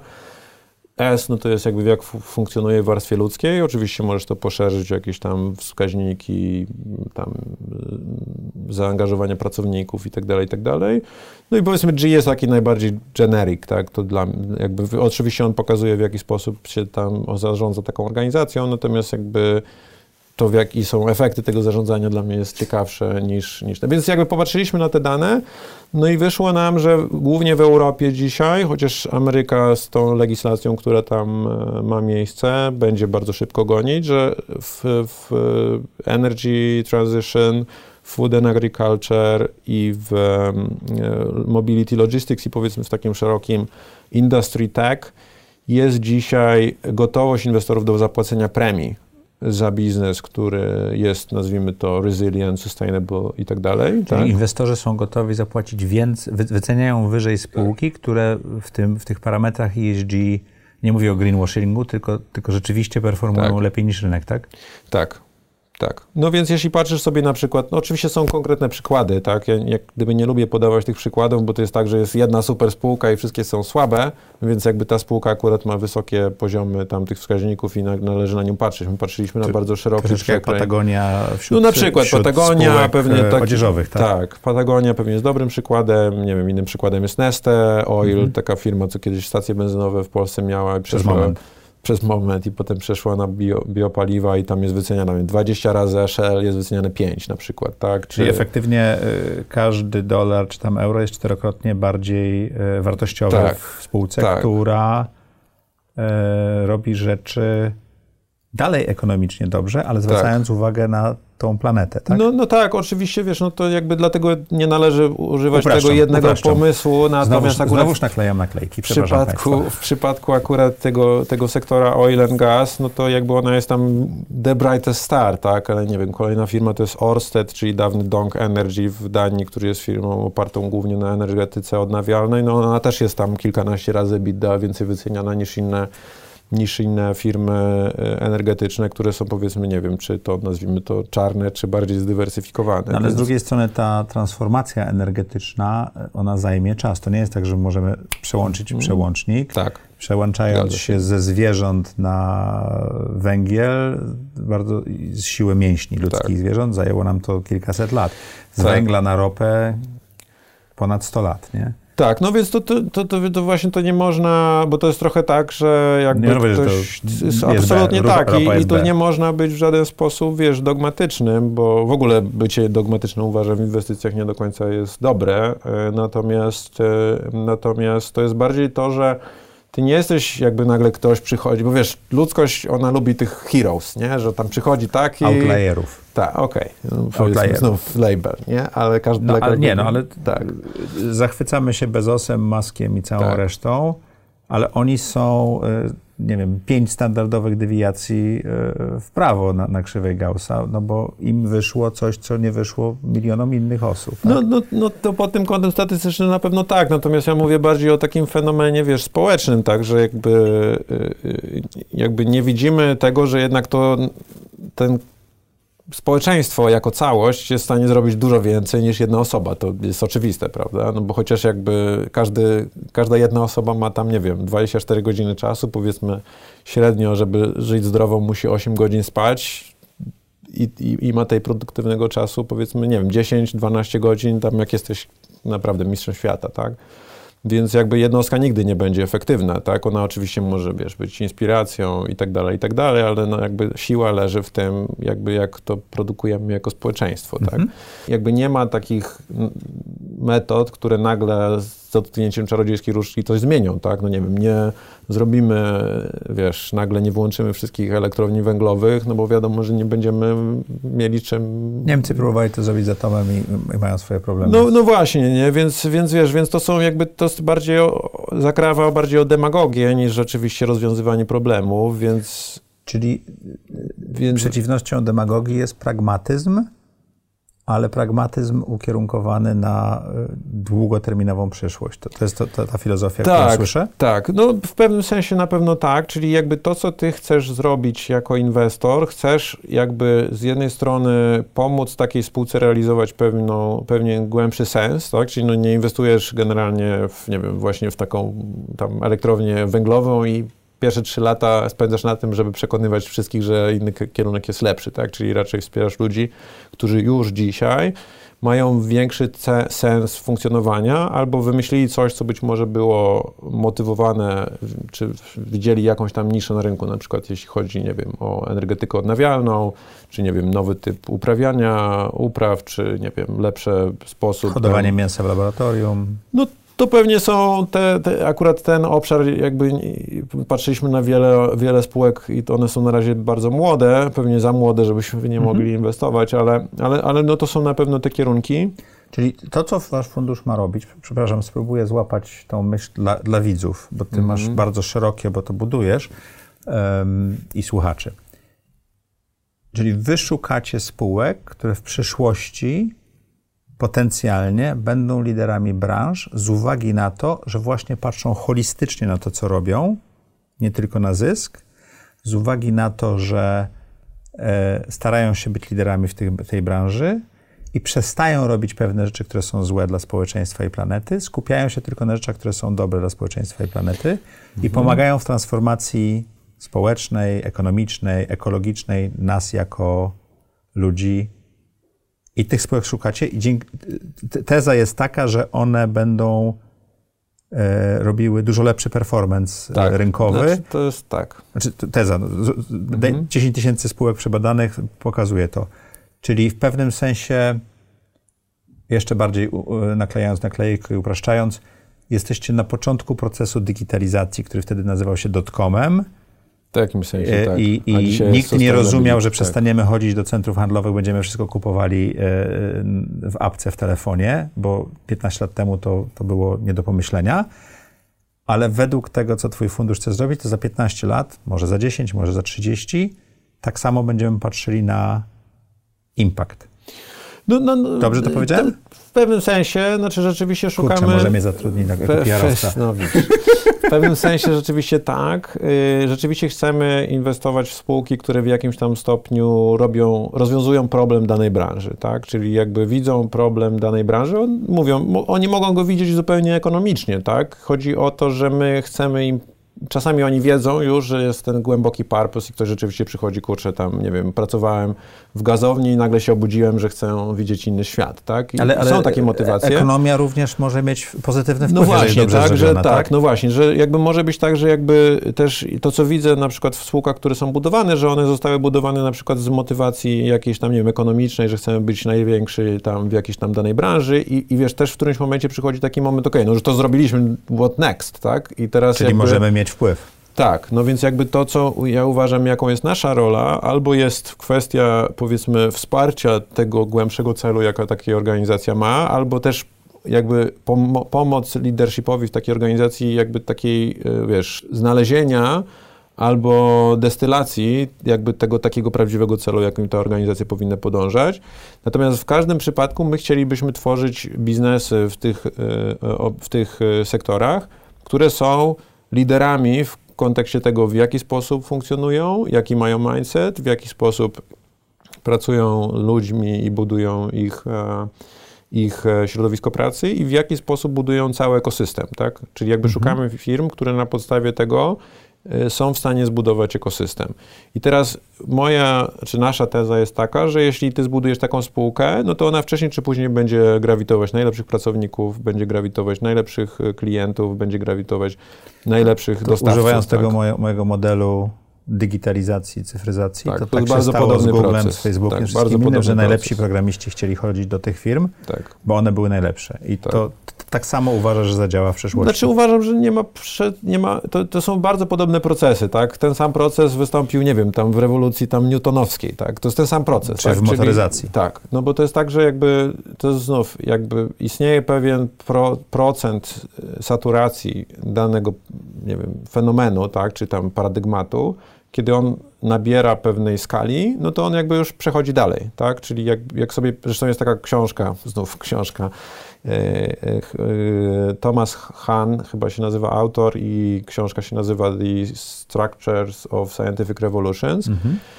Ona w ogóle była bardzo popularna właśnie w tym środowisku tam Silicon Valley swojego czasu, że jakby istnieje pewien bardzo powtarzalny proces, który przechodzi taki nowy paradygmat, tak? Że on oczywiście jest najpierw wyśmiewany, że on jest na początku tam, wiesz, traktowany jako anomalia, no ale potem jak już on jest chociaż trochę lepszy niż y, coś, co jest takim status quo, y, czy to się nazywa tam normal science, akurat w tamtej chyba książce z tego co pamiętam, no to w końcu po, przez adaptację nagle te adaptujące to podmioty zaczynają lepiej, nie wiem, czy widzieć rzeczywistość, czy są bardziej efektywne i tak dalej. No i jakby ta Troszeczkę spirala... jak z y, solarami i pompami ciepła, co jak ja miałem taki biznes, który sprzedawał 10 lat temu, to nie dało się zrobić, a w tej chwili na każdym domu każdy sobie instaluje, No, bo to się no, no opłaca. więc tak? widzisz, Bo nie? to Więc- jest marginalnie lepsze. To nie jest dużo lepsze, ale to jest marginalnie Tak, lepsze wystarczy, niż... żeby było marginalnie lepsze. No i oczywiście wiesz, wiesz, jak- jakby w tym przypadku, o którym mówisz, nie bez powodu jest to, w jaki sposób się rozwija, nie wiem, tam cena energii, czy gdzieś jakaś tam, jaka jest za tym legislacja i oczywiście, je- Mhm. tak jak, jak my to obserwujemy, no to widzimy, że legislacja raczej będzie podążać za tym, ze względu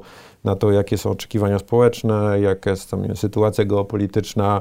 Pewnie w jakimś tam stopniu to jest też mechanizm, wiesz, e, jakiejś tam ochrony rynków e, przed, powiedzmy, tanio produkowanym, niezgodnie z jakimiś tam zasadami e, sztuki wobec środowiska Energią. społecznego, społeczeństwa.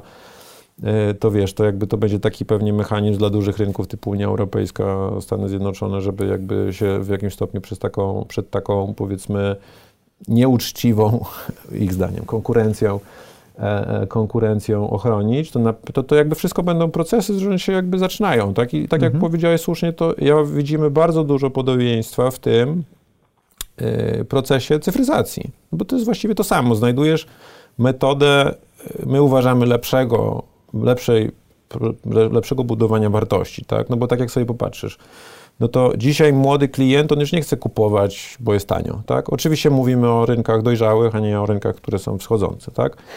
Więc on szuka czegoś więcej, czyli jeśli ty I ten jesteś... tam jest ważny. Tak, czyli ty, jeżeli ty jesteś tylko takim, wiesz, producentem, co tam jest dobrze i tanio, tak, yy, chociaż znów na jakiejś istotnej części społeczeństwa to jest znów ważne w dalszym ciągu, no to, no to tak naprawdę jako producent będziesz wyłączony z pewnych kanałów sprzedaży, tak, no bo jakby nie Ale to będziesz... widać chociażby w komórkach. No, masz Tak. dwóch czy trzech liderów, którzy mają jakiś purpose albo próbują pokazać. No, Tak? zresztą pewnie b- tam jeden z tych, jed- jedna z tych spółek, no to jakby była w stanie zbudować coś opartego nie na tym, że sprzedaje telefon, czy tam, wiesz, y, Tylko komputer, ekosystem.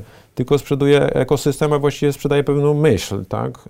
Y, Więc, która jest nieograniczona. która jest nieograniczona, dokładnie, tak? Więc, więc i, teraz, i teraz w momencie, jeśli ty, wiesz, budujesz, budujesz y, biznes, no to taki biznes generalnie ma dużo lepszy dostęp do klientów, w sensie ma lepsze przychody, tak? No i oczywiście, wiesz, wkrótce, jak będziesz robił B2B i wszystkie firmy będą musiały jednak podawać to, jaki mają tam scope 1, 2 and 3 emission, no to, no to wiesz, już nie będzie cena, tak? Ale to troszeczkę, jak, przepraszam, ja będę up- upraszczał i robił naklejki, bo mi, mi to pomaga zrozumieć. Mhm. Jak z kupowaniem lodówek. Kiedyś się kupowało lodówkę, teraz się patrzy, czy to jest A, B czy C, jeżeli chodzi o zużycie energii, tak? No, no tak. Bo wiemy, że, to, że, tak. kupienie lodówki to jest koszt Tak, teraz tak. i przez cały czas, tak? No, no właśnie, jakby wiesz, Przykładowo oczywiście motywacja ekonomiczna, ona wcześniej czy później tak czy inaczej nadchodzi, Zadziała. tak? Więc jakby pierwsza rzecz, no to jest naszym zdaniem jednak budowanie w ten sposób biznesu, masz dostęp do dużo większej liczby klientów i jesteś w stanie dużo bardziej jakby stickiness budować, Mhm. tak? Czyli jakby... Jakby klienci zostają. Czyli klienci zostają, tak?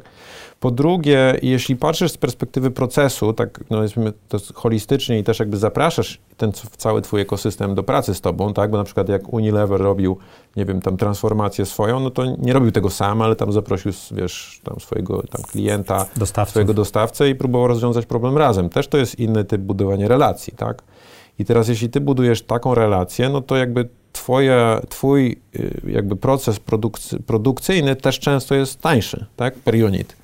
Bo masz bardziej zaangażowanych odbiorców i dostawców. Bo masz bardziej zaangażowanych odbiorców i dostawców, bo rozwiązujesz de facto ten konkretny problem, bo jesteś bardziej oszczędny, jeśli chodzi o surowce, próbujesz, wiesz, jakby zamknąć ten cały proces, wiesz, w koło i tak dalej, i tak dalej. Tak, no nie mówię, że to się zawsze udaje, tak, ale często się udaje, więc jakby masz biznes, który ma lepszy przychód i masz biznes, który ma niższy koszt, teoretycznie oczywiście, bo to wszystko za tym idzie ta, wiesz, dyscyplina, o której mówiliśmy wcześniej i, i, i wiesz, execution i tak dalej.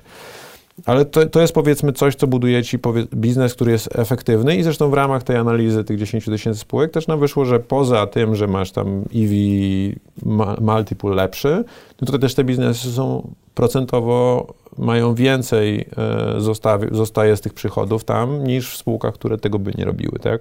O, Więc to się też powtarza. I, I teraz do tego masz pracowników, którzy nie pracują dla ciebie, znaczy też wiadomo, no każdy musi, wiesz, jakby swoje potrzeby zaspokoić, a je się jakby ale mają dodatkową motywację, tak? Dokładnie tak? więc jakby człowiek, jak, jak ty, zapytaj siebie, tak, I, i coś wierzysz, tak, przychodzisz, siadasz przy swoim biurku i versus to, jak generalnie musisz to zrobić, tak, no to wiadomo, że twoja efektywność, pomysłowość, wiesz, jakby bycie częścią zespołu, Koszt utrzymania ciebie jako pracownika też spada, nie? Bo Tak. masz mniejszą wymianę pracowników, jeżeli Tak. identyfikują się No, no tak, no i jakby twoja, przede wszystkim twoja produktywność, jako, wiesz, jakby jak dużą część siebie dajesz jakby w takiej pracy, no to jest jakby, to nie jest 2% lepiej, nie, to jest 100% lepiej. Mhm. Ja nie mówię, że jakby Wierzysz to, wierzysz to, co robisz. 100%, tak. No więc, więc masz prac, pracowników, którzy pracują lepiej, tak jak powiedziałeś, oni chcą tam pracować, więc jakby ten, ten, ten turnover pracowników, jakby ich odchodzenie jest dużo mniejsze, tak? Więc masz zespół, który lepiej pracuje, tak? A na końcu jakby masz biznes, który nie tworzy ryzyk, tak? Bo nikt nie będzie robił shortcutów, nie wiem, jakby naginał prawa, czy wiesz, robił jakieś takich rzeczy, które cię później wprowadzają w e, jakiś problem, no bo znów jakby możesz sobie wszystko wy, wyobrazić, tak? Jako, później jako prezes, czy tam wiceprezes, wiesz, to gdzieś tam spróbować zaimplementować, tak? Ale jeśli ludzie, którzy z tobą pracują, w to nie wierzą, no to gdzieś tam, tam, wiesz, na n-4 ktoś zrobi naprawdę duży problem, który, którego nie kontrolujesz i nigdy nie będziesz kontrolował na koniec dnia.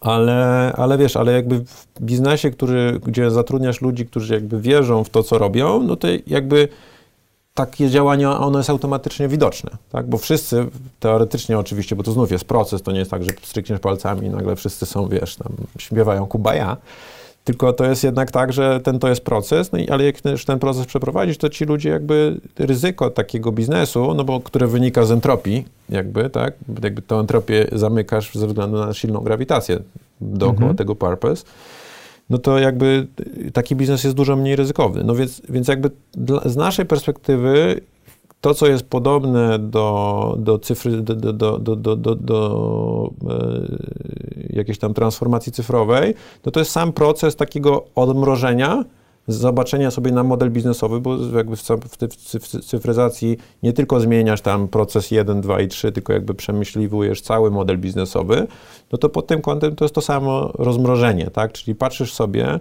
i... i Starych schematów. tak. I, I jakby da- różnica jakby już w takim bardzo detalu, no to jest taka, że kiedyś jakbym robił inwestycje, no to pewnie pierwsze moje spotkanie z zespołem byłoby, ok, to jest rynek, tutaj mamy, wiesz, branded raport tam komercyjny, to przeczytajcie go przed spotkaniem, mamy workshop, patrzymy, jak ten biznes może się rozwijać, dokładamy jakichś tam e, ekspertów, którzy dają jakąś tam nową perspektywę.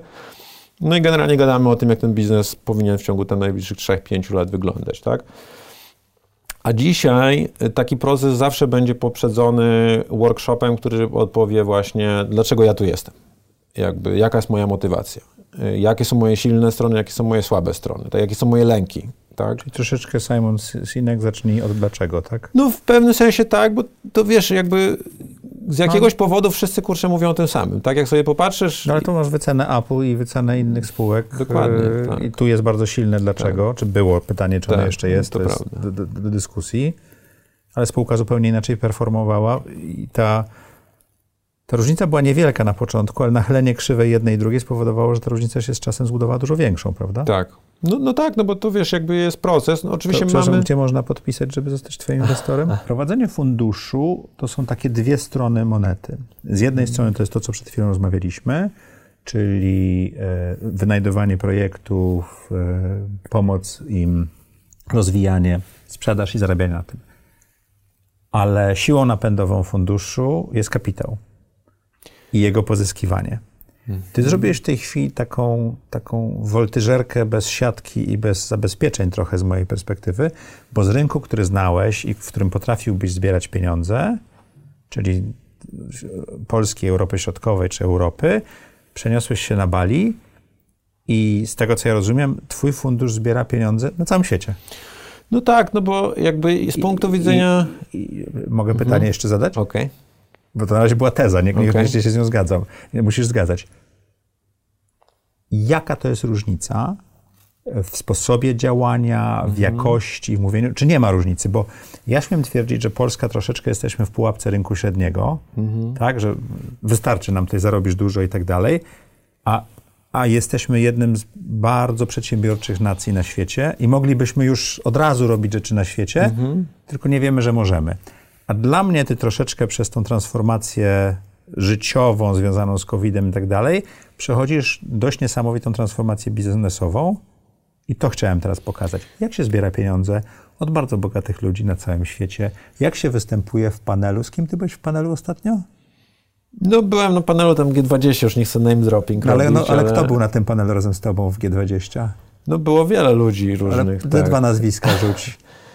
E, znaczy, no, na innych panelach między innymi były osoby takie jak Ray Dalio, jak e, nie wiem, Jeffrey, Jeffrey Sachs, których jakby osobiście bardzo cenię, tak? Więc to było na pewno przeżycie. Otarłeś się o, o, o sławę, tak? Przeżycie. Myślę, że jakby przede wszystkim miałem okazję poznać perspektywy ludzi, e, którzy widzą świat zupełnie z innego miejsca, tak? I myślę, tak. że to było najbardziej cenne. Ale również byłeś zaproszony do tego, to też powoduje, że można to zrobić. Wracając do mojego pytania jak się zbiera pieniądze na świecie.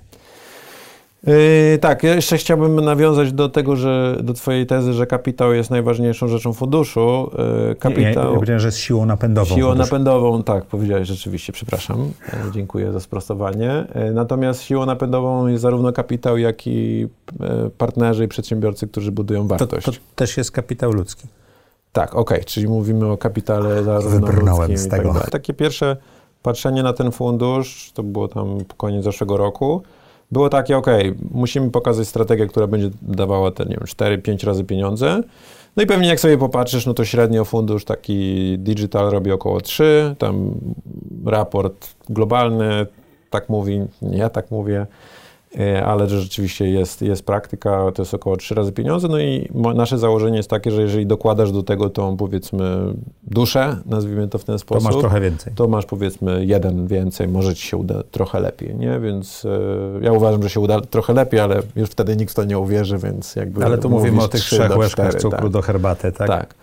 Więc, e, więc jakby to była nasza taka um, taki tryb komunikacji, gdzie mówiliśmy, ok, zarobisz więcej, a przy okazji my robimy coś dobrego, tak? I, i wtedy jakby ci inwestorzy, którymi rozmawialiśmy, no to jakby, jakby udawało nam się przekonywać ludzi, którzy powiedzmy, no oczywiście pomagają, ale to nie jest jakby nasze marzenie, tak? Naszym marzeniem jest jakby po, zbudowanie też trochę takiego community inwestorów, którzy nie tylko będą chcieli jakby zarabiać, co oczywiście jest, my to rozumiemy, to jest mandat, jaki inwestor nam daje, to nie jest charity, to jest jakby multiplikacja w jakimś sensie. Ale zarabiać w określony sposób też, tak? Ale, ale jakby jednak y, szukamy inwestorów, którzy z różnych względów szukają większego sensu y, w inwestowaniu, tak? No i to oczywiście z natury rzeczy są bardziej e, rodziny, tak? Czyli jakby powiedzmy bardzo zamożne rodziny, szczególnie nowe pokolenie. pokolenia, tak. które... Nowe szczególnie pokolenie nowe bardziej? pokolenie jest dzisiaj zainteresowane. No oczywiście to nie jest. A nowe pokolenie w starym kapitale. Tak. Okay. Tak, czyli powiedzmy kapitał jest zbudowany tam 100 lat. przemyśle przez 100 lat. No i, no i to nowe pokolenie, ono jakby chce w jakimś stopniu, nie wiem, zredefiniować ten kapitał, czy ono szuka dla samego siebie jakiegoś nowego sensu, Oczywiście część mają ten syndrom tam Alexander the Great, no i ja tam będę większy i, i tak dalej. To oczywiście są, są, takie, są takie motywacje. Natomiast ja uwierzyłem y, na, na tych międzynarodowych spotkaniach, że jednak jest duża część inwestorów, która szuka czegoś więcej, tak? I jakby to tak naprawdę nie wierzyłem, że coś takiego jest na świecie już y, in, wiesz, in volume, w sensie jakby jest często spotykane. Dlatego, tak jak mówię, samemu, sam, sam y, z zespołem zrobiliśmy takie założenie, znów jakby label, ok, inwestor to on tylko będzie chciał słuchać o pieniądzach, a już jakby, wiesz, o tej filozofii to A tak okazuje naprawdę... się, że? A okazuje się, że jednak e, inwestorzy widzą sens e, bycia w czymś, co jest, e, co jest, powiedzmy, patrzy trochę w inny sposób.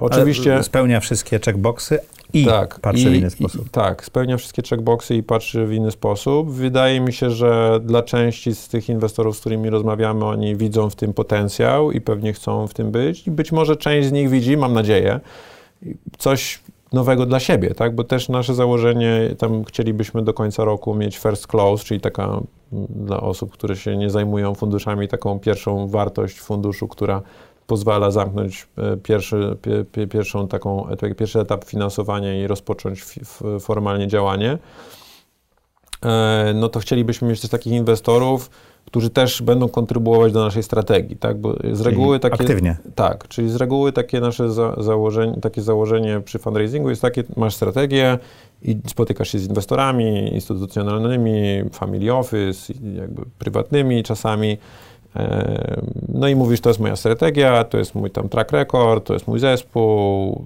i proszę bardzo, jakby chcielibyśmy tam zebrać do ciebie, nie wiem, 10, 20, 30, 50 milionów dolarów. Jak duży to będzie fundusz? Chcielibyśmy zrobić fundusz 350 milionów y, dolarów. Y, chcielibyśmy, żeby ten fundusz y, się oversubskrybował. Czyli grubo ponad miliard złotych. Tak. I rzeczywiście szukamy takich partnerów, jakby chciałem dokończyć tylko ten, ten myśl, że, że jednak trochę nasze, nasze, nasza, nasza wizja tego, tej strategii funduszu to jest powiedzmy 80% dzisiaj, tak? Chcielibyśmy te 20% skończyć tym ekosystemem, który się stworzy. Tak? Czyli, czyli troszeczkę jak o tym Unileverze, o którym opowiadałeś, czyli nie dać gotowy produkt inwestorom, tylko z nimi dopracować, jak ten fundusz trochę ma działać. tak, tak. No bo to jest trochę tak, że wiesz, my patrzymy na to, wiesz, no z, wielu, z wielu punktów, ale mówimy, ok, na przykład uważamy, że ten wiem, digital, trans, znaczy e, energy transition, food and agriculture, e, mobility logistics, czy tam tech, industry tech, no okej, okay, tutaj się tworzy tam najwięcej tych unicornów ostatnio i to jest tam powiedzmy rynkowy jakiś tam dowód, że to są dobre kierunki, no ale na przykład przychodzi ktoś, kto ma tam, nie wiem, stuletni biznes i zna od podszewki pewną problematykę na przykład energii, tak? I jakby mhm. jeśli ja nie wykorzystam tej wiedzy, w sensie jakby nie wezmę jej pod uwagę, no to I'm stupid.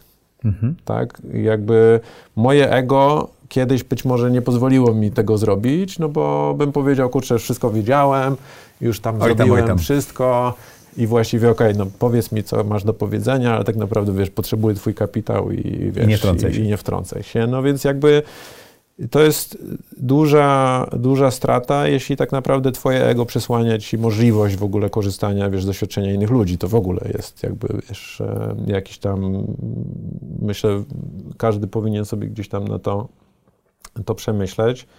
ale, ale, ale rzeczywiście chcielibyśmy z tymi inwestorami, którzy będą tworzyć ten first close, no mówię o tych istotnych inwestorach, jakby dokończyć ten proces. No i rzeczywiście jest tak, że tak jak powiedziałeś, ci inwestorzy są z całego świata. Mamy inwestorów, z którymi rozmawiamy z Singapuru, mamy inwestorów, z którymi rozmawiamy z Bliskiego Wschodu i to są naprawdę inwestorzy o bardzo pokaźnych jakby portfelach. Rozmawiamy oczywiście z inwestorami z Europy, rozmawiamy z inwestorami ze Stanów Zjednoczonych. Więc e, to są jakby każdy z nich ma inną specyfikę, tak? To nie jest tak, że każdy z tych inwestorów, wiesz, ma, nie wiem, jakąś tam tabelkę do wypełnienia i jakby mówimy, że proces, jakby, jeśli dobrze zrobisz proces, no to powinieneś ten proces zakończyć dobrze. No i rzeczywiście, wiesz, dużo funduszy, które się buduje dzisiaj, no to po prostu korzysta z tych takich e, inwestorów instytucjonalnych, które mm, są wyspecjalizowane we wspieraniu tych e, emerging managers, to się mówi, czyli takich powiedzmy funduszy, które powstają. E, natomiast no, to jest proces, powiedzmy, spędzasz, nie wiem, dwa lata na tym, żeby wypełniać pewien proces due diligence'owy i zbierasz fundusz około tam 100 milionów euro około, tak? No więc jak ja sobie o tym myślałem, to sobie pomyślałem jakby, no okej, okay, to jest ten liniowy proces, tak? Jak mogę zrobić proces, który jest eksplozyw, nie? Mhm. No, no, bo jakby liniowy, no to będę musiał robić A, B, C, D. To mówiliśmy na samym początku rozmowy, tak? tak? I, I teraz myślałem e, o tym i tam próbowaliśmy w zespole jakoś tam się challenge'ować wzajemnie, w jaki sposób zbudować proces taki disruptive. No i właściwie wyszło nam, że powinniśmy y, jakby wykorzystać jakby siłę tej myśli, tak? Jakby na ile ta myśl, ona jest zaraźliwa, tak? No i samo, sama ta sytuacja, w której zostałem zaproszony na to, żeby zrobić panel na G20, Y, zupełnie przypadkowo, jak to się mówi, ale no to wynikało to z tego, przypadki. że kiedyś rozmawiałem z kimś na temat konceptu tego funduszu, potem ktoś rozmawiał z kimś, ten ktoś pomyślał, ok, jakby tak, taki głos byłby ciekawy jakby w tej dyskusji. E, I, i, I rzeczywiście no, to było bardzo ciekawe doświadczenie, e, które dało mi możliwość rzeczywiście poznania zupełnie innego, e, z innej perspektywy na wymianę myśli. Ale rzeczywiście z tego, jakby ta myśl, ona jest, jakby kto nie chciałby sprawić, żeby świat był lepszy, a jednocześnie nie, mu, nie musielibyśmy rezygnować z zrobienia zwrotu i tak dalej, tak? No bo jakby teoretycznie to brzmi jak utopia, tak? No ale jednak utopią nie jest, no bo za tym kryje się bardzo głęboka, głęboka, głęboka jakby strategia działania, analiza danych, procesy i tak dalej, i tak. Tak? To nic tutaj nie jest grą na gitarze i śpiewanie jakby dewocjonalnych piosenek. Myślę, że to do ludzi trafia i też jak rozmawiamy z ludźmi na całym świecie, to myślę, że przynajmniej z mojej perspektywy najważniejsze to, co mogę powiedzmy e, przekazać jako naukę, to jest to, że widzę w drugiej osobie człowieka. Część dyskusji mam zupełnie czysto, nie wiem, filozoficznych o religii z osobą, która jest zupełnie z innego jakiegoś tam e, z innej wersji Poznajecie cywilizacji. się jako ludzie, tak. zanim podejmiecie decyzję tak, o robieniu tak, biznesu tak. i przekazaniu kapitału pod tak, zarządzanie. Tak, tak. No i to oczywiście są procesy długie. Tutaj jakby też trzeba być w tym wszystkim bardzo takim humble żeby, żeby to też e, znów no, to musi być takie wspólne poznawanie się jednak z tych trzech rzeczy, e, o których mówiliśmy, które ludzi kierują, czyli trust, belonging, meaning, no to ten zbudowanie tego trust w, w relacji z w, inwestorem w, w Polsce trwa. się mówi o beczce soli też, prawda? Jako no, takie no właśnie, tak. No dobrze, to ja Ci życzę powodzenia. Słuchaj, mamy już kawał dobrego materiału i nadchodzi taki moment w audycji, że chcielibyśmy Ci zadać e, tych 10 standardowych pytań. Jesteś na to gotowy? No, spróbujemy. Macieju, czy możesz opisać najlepszą decyzję, jaką podjąłeś w życiu? Jedną. Mm, popatrzenie na własne wnętrze. Okej, okay. mówiłeś trochę o tym. Pamiętasz, kiedy ją podjąłeś? Myślę, że gdzieś 3, 4, 5 lat temu. Mhm. Co daje Ci najwięcej energii czy satysfakcji w życiu? Jak mogę pomóc ludziom i widzę w nich. E, znaczy, widzę w nich takie coś, co jestem w stanie odbezpieczyć, tak? I to działa. I jest, jak potem spotykam taką osobę i ona mi powie, kurczę, zmieniłeś moje życie. Zdjąłeś mi klapki z oczu, tak? tak? Okej. Okay. To mi się nie zdarzało wiele razy, ale jakby tyle ale razy, co mi się zdarzało, to jakby mówi mi, że jednak ten kierunek, gdzie pomagasz ludziom być najlepszą wersją siebie jest najciekawszą rzecz, najciekawszą częścią rzeczywistości dla mnie. Budujesz fundusz, pracujesz z Bali. Jak wygląda twój typowy dzień pracy? Wiesz co, wstaję rano, zazwyczaj mam medytację, tam mhm. powiedzmy pół godziny. Trochę traktuję to jako takie mycie zębów. E, to mhm. taka zwykła higiena, gdzie starasz się zacząć dzień od takiej czystej intencji. No i potem zaczynam od spotkań zazwyczaj na miejscu albo rozmów w tej części świata, no bo Polsce jest wtedy godzina tam powiedzmy druga nad ranem. Czyli masz Stany albo Azję. Tak? tak, więc wtedy jakby moje telefony są bardziej e, Singapur, a Indie, ewentualnie Stany Zjednoczone. E, chociaż czasami ze względu na to trzeba wstać o czwartej nad ranem, żeby mieć telefon tam z Nowym Jorkiem, e, ale rzeczywiście, mm, no tam powiedzmy staram się wstawać rano, bo to widzę, że jednak organizm funkcjonuje zupełnie inaczej, jak się wstaje rano. No i potem e, raczej staram się e, bardzo kategorycznie decydować na temat tego, co robię, a czego nie robię, a właściwie tego, czego nie robię. Mhm. Tak? Bo na czym polegają te wybory? Na tym zadaję sobie pytanie, na ile to, co zamierzam zrobić, jest zbieżne z tym, co powinienem robić. To znaczy, jakby na ile to jest zbieżne z Powinność tym moim celem. z celów tak, misji, tak? Tak, no mhm. bo, bo, bo, bo tak jak mówię, mówiłem wcześniej, że yy, nawet jakby w dalszym ciągu czasami łapię się na tym, że wiesz, chcę coś jakby Kolejną taczkę. do przodu, tak, do przodu jakby, e, jakby, mm, jakby pracować nad czym, żeby to poszło do przodu.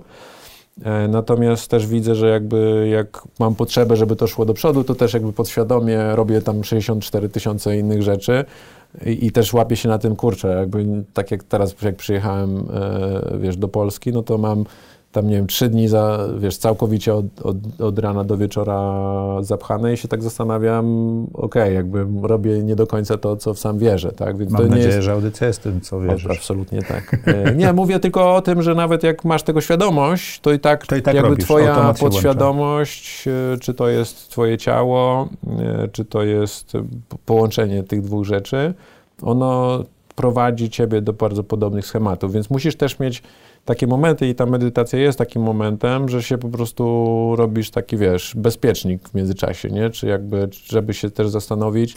Jakby wysprzęglasz na moment, tak? Tak. Mam, mam plan jakby pisać w jakim, jakiś tam małą wersję pamiętnika.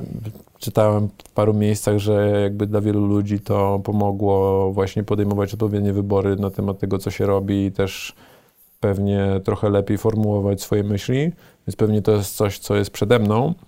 Natomiast, tak jak mówię, poza tym, że raczej staram się być świadomie przeżywać dzień i też być wdzięczny temu, że jednak da, udało mi się wstać. Pewnie nie trudno być wdzięcznym w miejscu, w którym się budzę. E, I, i, i natomiast e, jakby popatrzeć na ten dzień, w jaki sposób ja mogę być wierny temu, co, co jest moim celem, tak? I, i, jakby w jaki sposób mogę większość swojej energii przeznaczyć na realizację tego celu, bo też myślę, taka ważna e, konkluzja jest taka, że jakby trudno, powie trudno powiedzieć, że robienie tam, nie wiem, pięciu różnych scenariuszy czy dziesięciu jakby przygotowania, wiesz, różnych alternatyw nie daje ci efektu, bo ono ci daje, tak? No bo jakby ta wartość e, oczekiwana z probabilistyki, wiesz, wzrasta, no i i wiesz, wcześniej czy później, przy wielu powtórzeniach, no to wiadomo, że będziesz miał większy sukces niż ktoś, kto tego nie robił. Natomiast twoja energia jest rozbita na tysiące małych cząsteczek, tak? Czyli w, w niczym nie będziesz, wiesz, jakby nie dasz tego, tej, tej pełni siebie, tak? Jeśli wybierzesz sobie dwie, trzy rzeczy, to twoja szansa jakby zbudowania takiej, wiesz, punktu przyłożenia, jak, wiesz... Tą siłę w, w tak. te punkty dasz większą. Tak. I to jest twój typowy dzień, czyli y, wybieranie, czego nie robisz. No, w uproszczeniu, tak. Do tak. której pracujesz? Różnie, no czasami pracuję i do drugiej w nocy, tak, bo to... Bo to zależy od tych stref czasowych, tak? tak? tak? A jak jakby... łączysz to z obowiązkami i, i przyjemnościami rodzinnymi i, i życiem? Wiesz co, no to rzeczywiście, rzeczywiście jest tak, że raczej staram się, bo akurat dzieci tam wraca, wracają ze szkoły około 15-16, więc raczej mhm. staram się na ten czas być, powiedzmy, co najmniej przez godzinę tam Obecny. ojcem, tak, że zresztą teraz... Co najmniej słysz... przez godzinę być ojcem, to, to brzmi... No tak, no ale tak czytałem, czytałem statystyki statystyki, że to jest, wiesz, pół, średnio pół godziny y, lub mniej ma ojciec na relację ze swoim dzieckiem, nie? Dziennie? Tak. 30 lub mniej.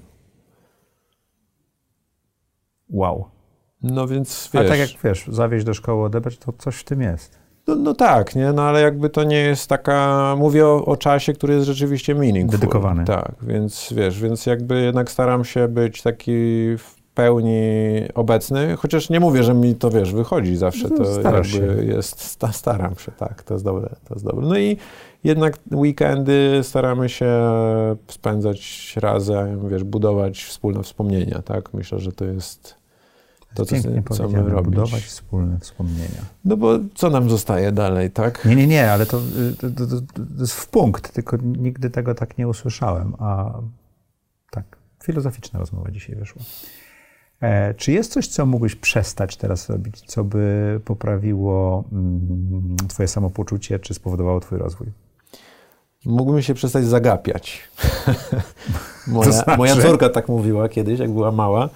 Ale no, to jest tak, że wiesz, że jakby czasami jednak, yy, czasami jednak, wiesz, jakieś tam swoje pragnienie osiągnięcia celu jest silniejsze niż twoje przekonanie. Na moment, nie? Ale jakby znajdujesz się w którymś momencie, że w momencie, że jakby wiesz, pobiegniesz i nagle no masz ten mechanizm, który daje ci możliwość się ocknięcia, ale jakby jednak się zagapiasz, tak? Czyli jednak te powiedzmy Y, przyzwyczajenia, czy historia, czy doświadczenia, no to one jakby wpływają na te twoje, powiedzmy, bez, bez e, te, te automatyczne mechanizmy, które, które mamy, tak? Więc myślę, że chciałbym być dużo bardziej świadomy tego, co robię, no bo jak jestem świadomy, to to wychodzi dużo lepiej, tak? Paradoksalnie, więc w ogóle też myślę, że ta droga ze sobą jest na tyle ciekawa, że większość tych y, prawd, które nam się udaje odkryć, one są jakby super proste, tak? Właściwie zaczynamy drapać się w głowę, dlaczego tego nigdy nie, wy,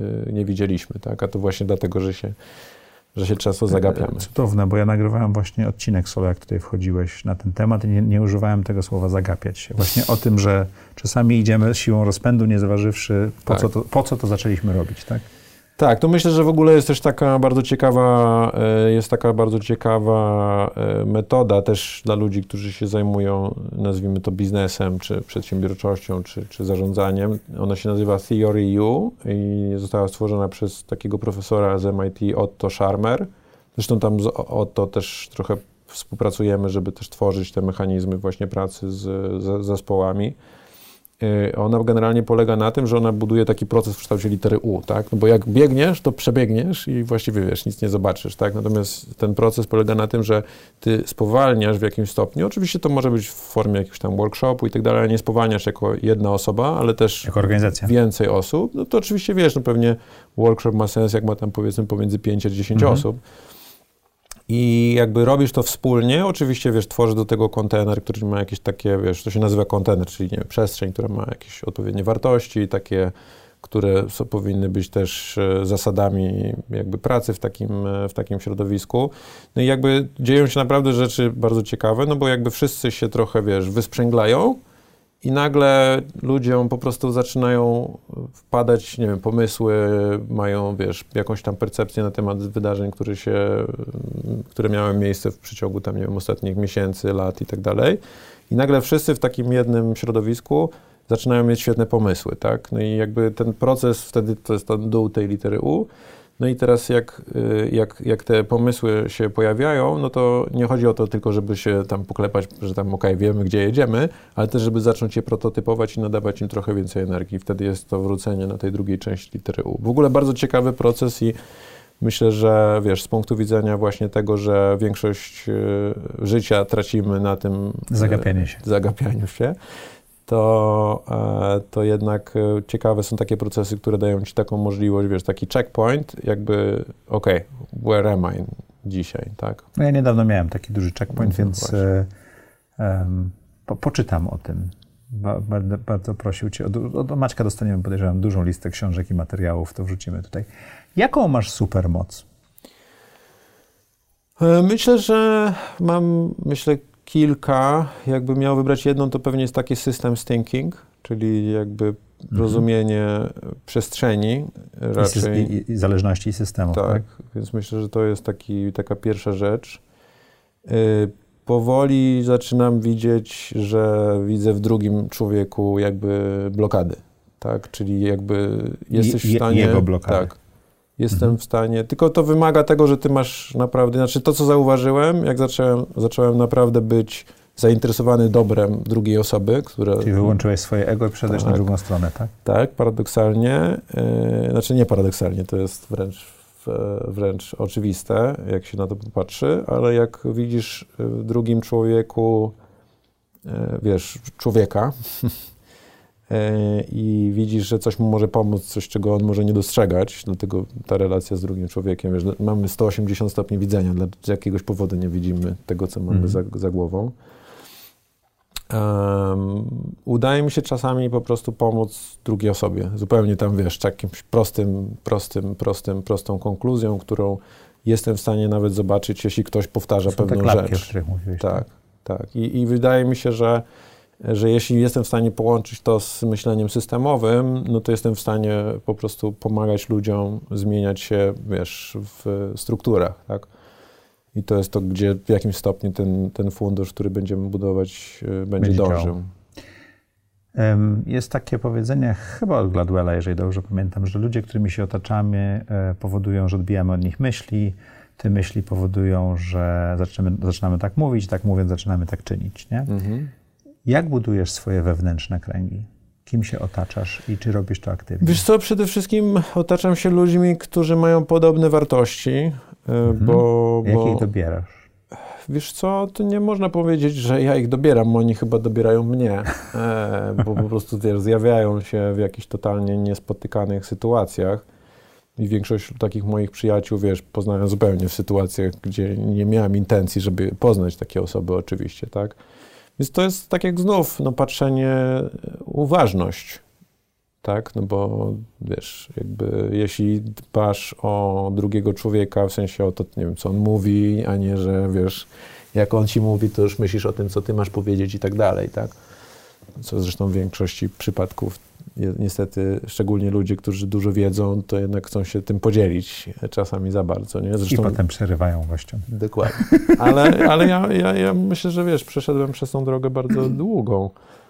I, i, i, i, i, i wiesz, jak nagle się zaczniesz słuchać, no to nagle zobaczysz, że ktoś może mieć zupełnie super ciekawy punkt widzenia. Zazwyczaj z tego punktu widzenia, wiesz, przebija jakaś tam um, jakieś wartości, które taki człowiek ma. E, ale pewnie, pewnie, pewnie na koniec dnia to jest zaufanie, tak? Że jednak mi się wydaje, że mm, w trakcie swojego życia miałem wiele relacji, które nie, nie, nie, nie były budowane na zaufaniu, albo po prostu wiesz, jakby.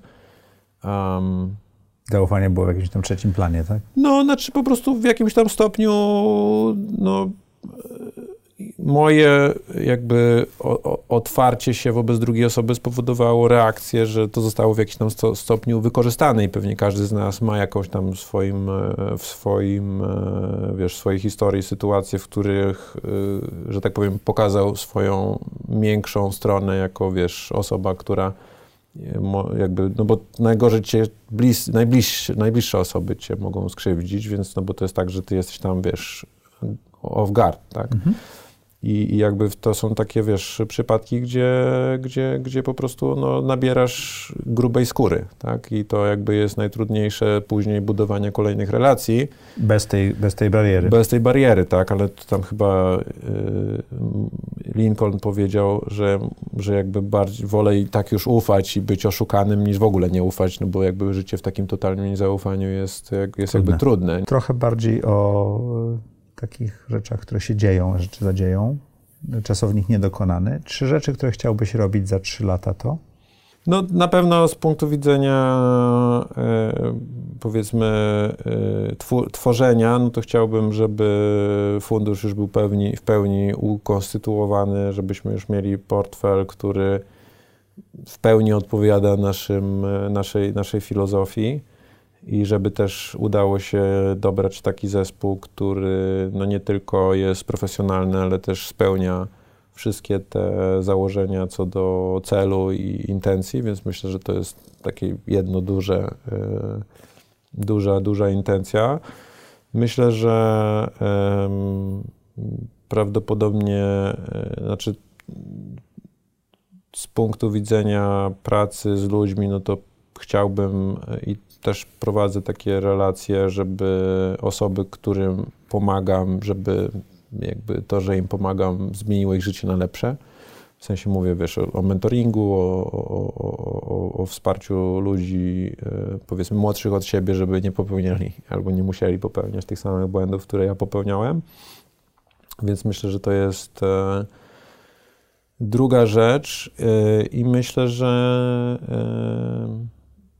że E, po trzecie, no to, myśl, to, to będzie też taki okres, gdzie będziemy się relokować do miejsca, gdzie tak naprawdę ten cały, ten, te, te, te cała, nazwijmy to, ekonomiczne centrum e, rzeczywistości dla nas, czy pracy takiej codziennej powstanie, więc e, chcielibyśmy, chciałbym, żeby takie miejsce będzie wybrane, które całej mojej rodzinie będzie sprzyjać. To, co mówiliśmy o tym otoczeniu, tak? Jakby to otoczenie Czyli jest super ważne. geografię jakości z geografią e, no właśnie, kontaktu biznesowego. Tak. Wiesz co, tak? ostatnio zresztą miałem dyskusję z taką panią prawnik, która, która nam pomaga zbudować strukturę tam w Luksemburgu tego funduszu. I ona tak właściwie żartobliwie, jak rozmawialiśmy, gdzie w tym momencie jestem, powiedziałam, że jestem na Bali, to powiedziała, że jak będziemy rekrutować do biura na Bali, to, na, to nosi rękę. Nie? Natomiast powiem Ci, że mam taki koncept y, na podstawie tego, bo oczywiście to jest żartobliwe, ale, ale na koniec dnia być może nie, tak, że jednak być może jesteś w stanie, nie wiem czy na Bali, czy jakimś w innym miejscu, ale stworzyć takie biuro, które byłoby takim biurem rotacyjnym, tak, że jakby część pracowników... Pół roku pracuje na przykład. No, tak? czy tam dwa, czy trzy miesiące, że ma jednak taki moment, gdzie wyjmuje się z tego takiego środowiska, nazwijmy to codziennego i jest gdzieś, gdzie załóżmy, no, gdzie jest wiem, piękne, naturalne środowisko, że jesteś w stanie pobyć w miejscu, które cię powiedzmy wyrywa z takiego codziennego trybu pracy. No bo w szczególności, jeśli robisz coś, co powinno być z natury innowacyjne, powinieneś móc, czy powinnaś móc zachować e, świeżość myślenia, perspektywy i tak dalej, no to pewnie lepiej to robić, lepiej łamać ten, ten schemat. To będzie trudne pytanie. Książka która? Książka która? Książka, która... E, jest dużo książek. No właśnie, powiedziałem, że to będzie trudne pytanie. O wow, to tak, tak otwarte, wiesz, to tak jak się byś zapytał, jaki film lubię, e, to też nie wiem, jaki bym odpowiedział. Nie, nie ale powiedz tą pierwszą, która przychodzi do głowy. Wiesz co, chyba taką pierwszą książką, która mi przyszła do głowy jest yy, yy, taka książka, zresztą nazwana Purpose, takiego guru, który się nazywa Sri Prem Baba i ona jest taka, bym powiedział, przybliżeniem filozofii wschodu dla ludzi zachodu. Okej, okay, nie czytałem, e, Myślę, sobie. że są dwie takie książki właściwie. Mówimy o jednej książce, dlatego to trudne pytanie. Tak, ale druga jest bardzo podobna, Dajesz. mówię z perspektywy ludzi, którzy chcieliby w takie rzeczy się zagłębić. Druga, druga książka się nazywa Untethered Soul e, i generalnie i jest książką napisaną przez Michaela Zingera. Czytałem. E, tak, no i to są książki takie, które powiedzmy mówią o duchowości w sposób w języku zachodu, strawny tak? dla, dla, dla kogoś, kto jest w, w, świecie zachodu. I zresztą w ogóle Michael Zinger to tam jakby w swojej historii był jakimś CEO tam mhm. e, firmy IT, która tam miała wycenę swojego czasu, nie jest 5 miliardów dolarów, tak, a przyszedł tam zaczynając swoją drogę bez butów. Więc oczywiście nie mówię tutaj, żeby ktoś chodził bez butów, chociaż to jest zdrowe, ale, ale rzeczywiście to są takie książki, które dają nam możliwość zrozumienia, że poza tą materią, która nas otacza, jest ten obszar duchowy, który jest zazwyczaj, no nie, nie zwracamy na niego uwagi. Co chciałbyś, żeby z tej niekrótkiej rozmowy zapamiętali nasi widzowie i słuchacze? Chciałbym, e, żebyście mieli okazję się zatrzymać, e, żebyście mieli okazję się zastanowić nad tym, e, co jest dla Was ważne, bo biegnąc przez życie często możemy się zatrzymać za późno i nie znamy drogi, którą przebyliśmy i co ona może nam dać, a każdy dzień czasami może być bogaty w takie doświadczenie, które pozwoli nam nawigować swoje życie dalej. E, no też stracimy przede wszystkim wszystko, co nas otacza, jeśli nie będziemy na to zwracać uwagi.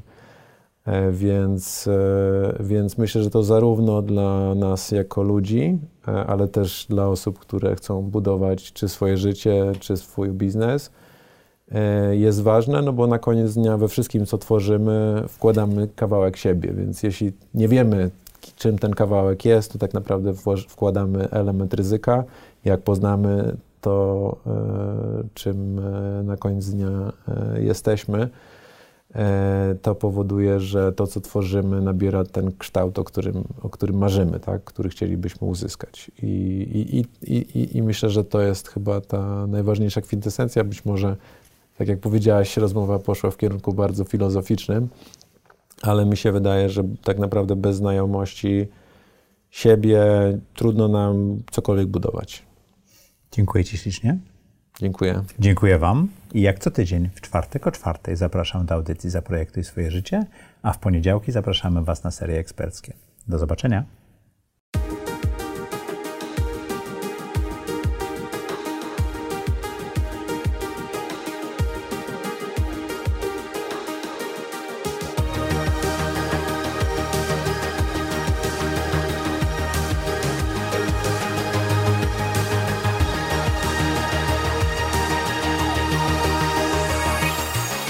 Zaprojektuj swoje życie.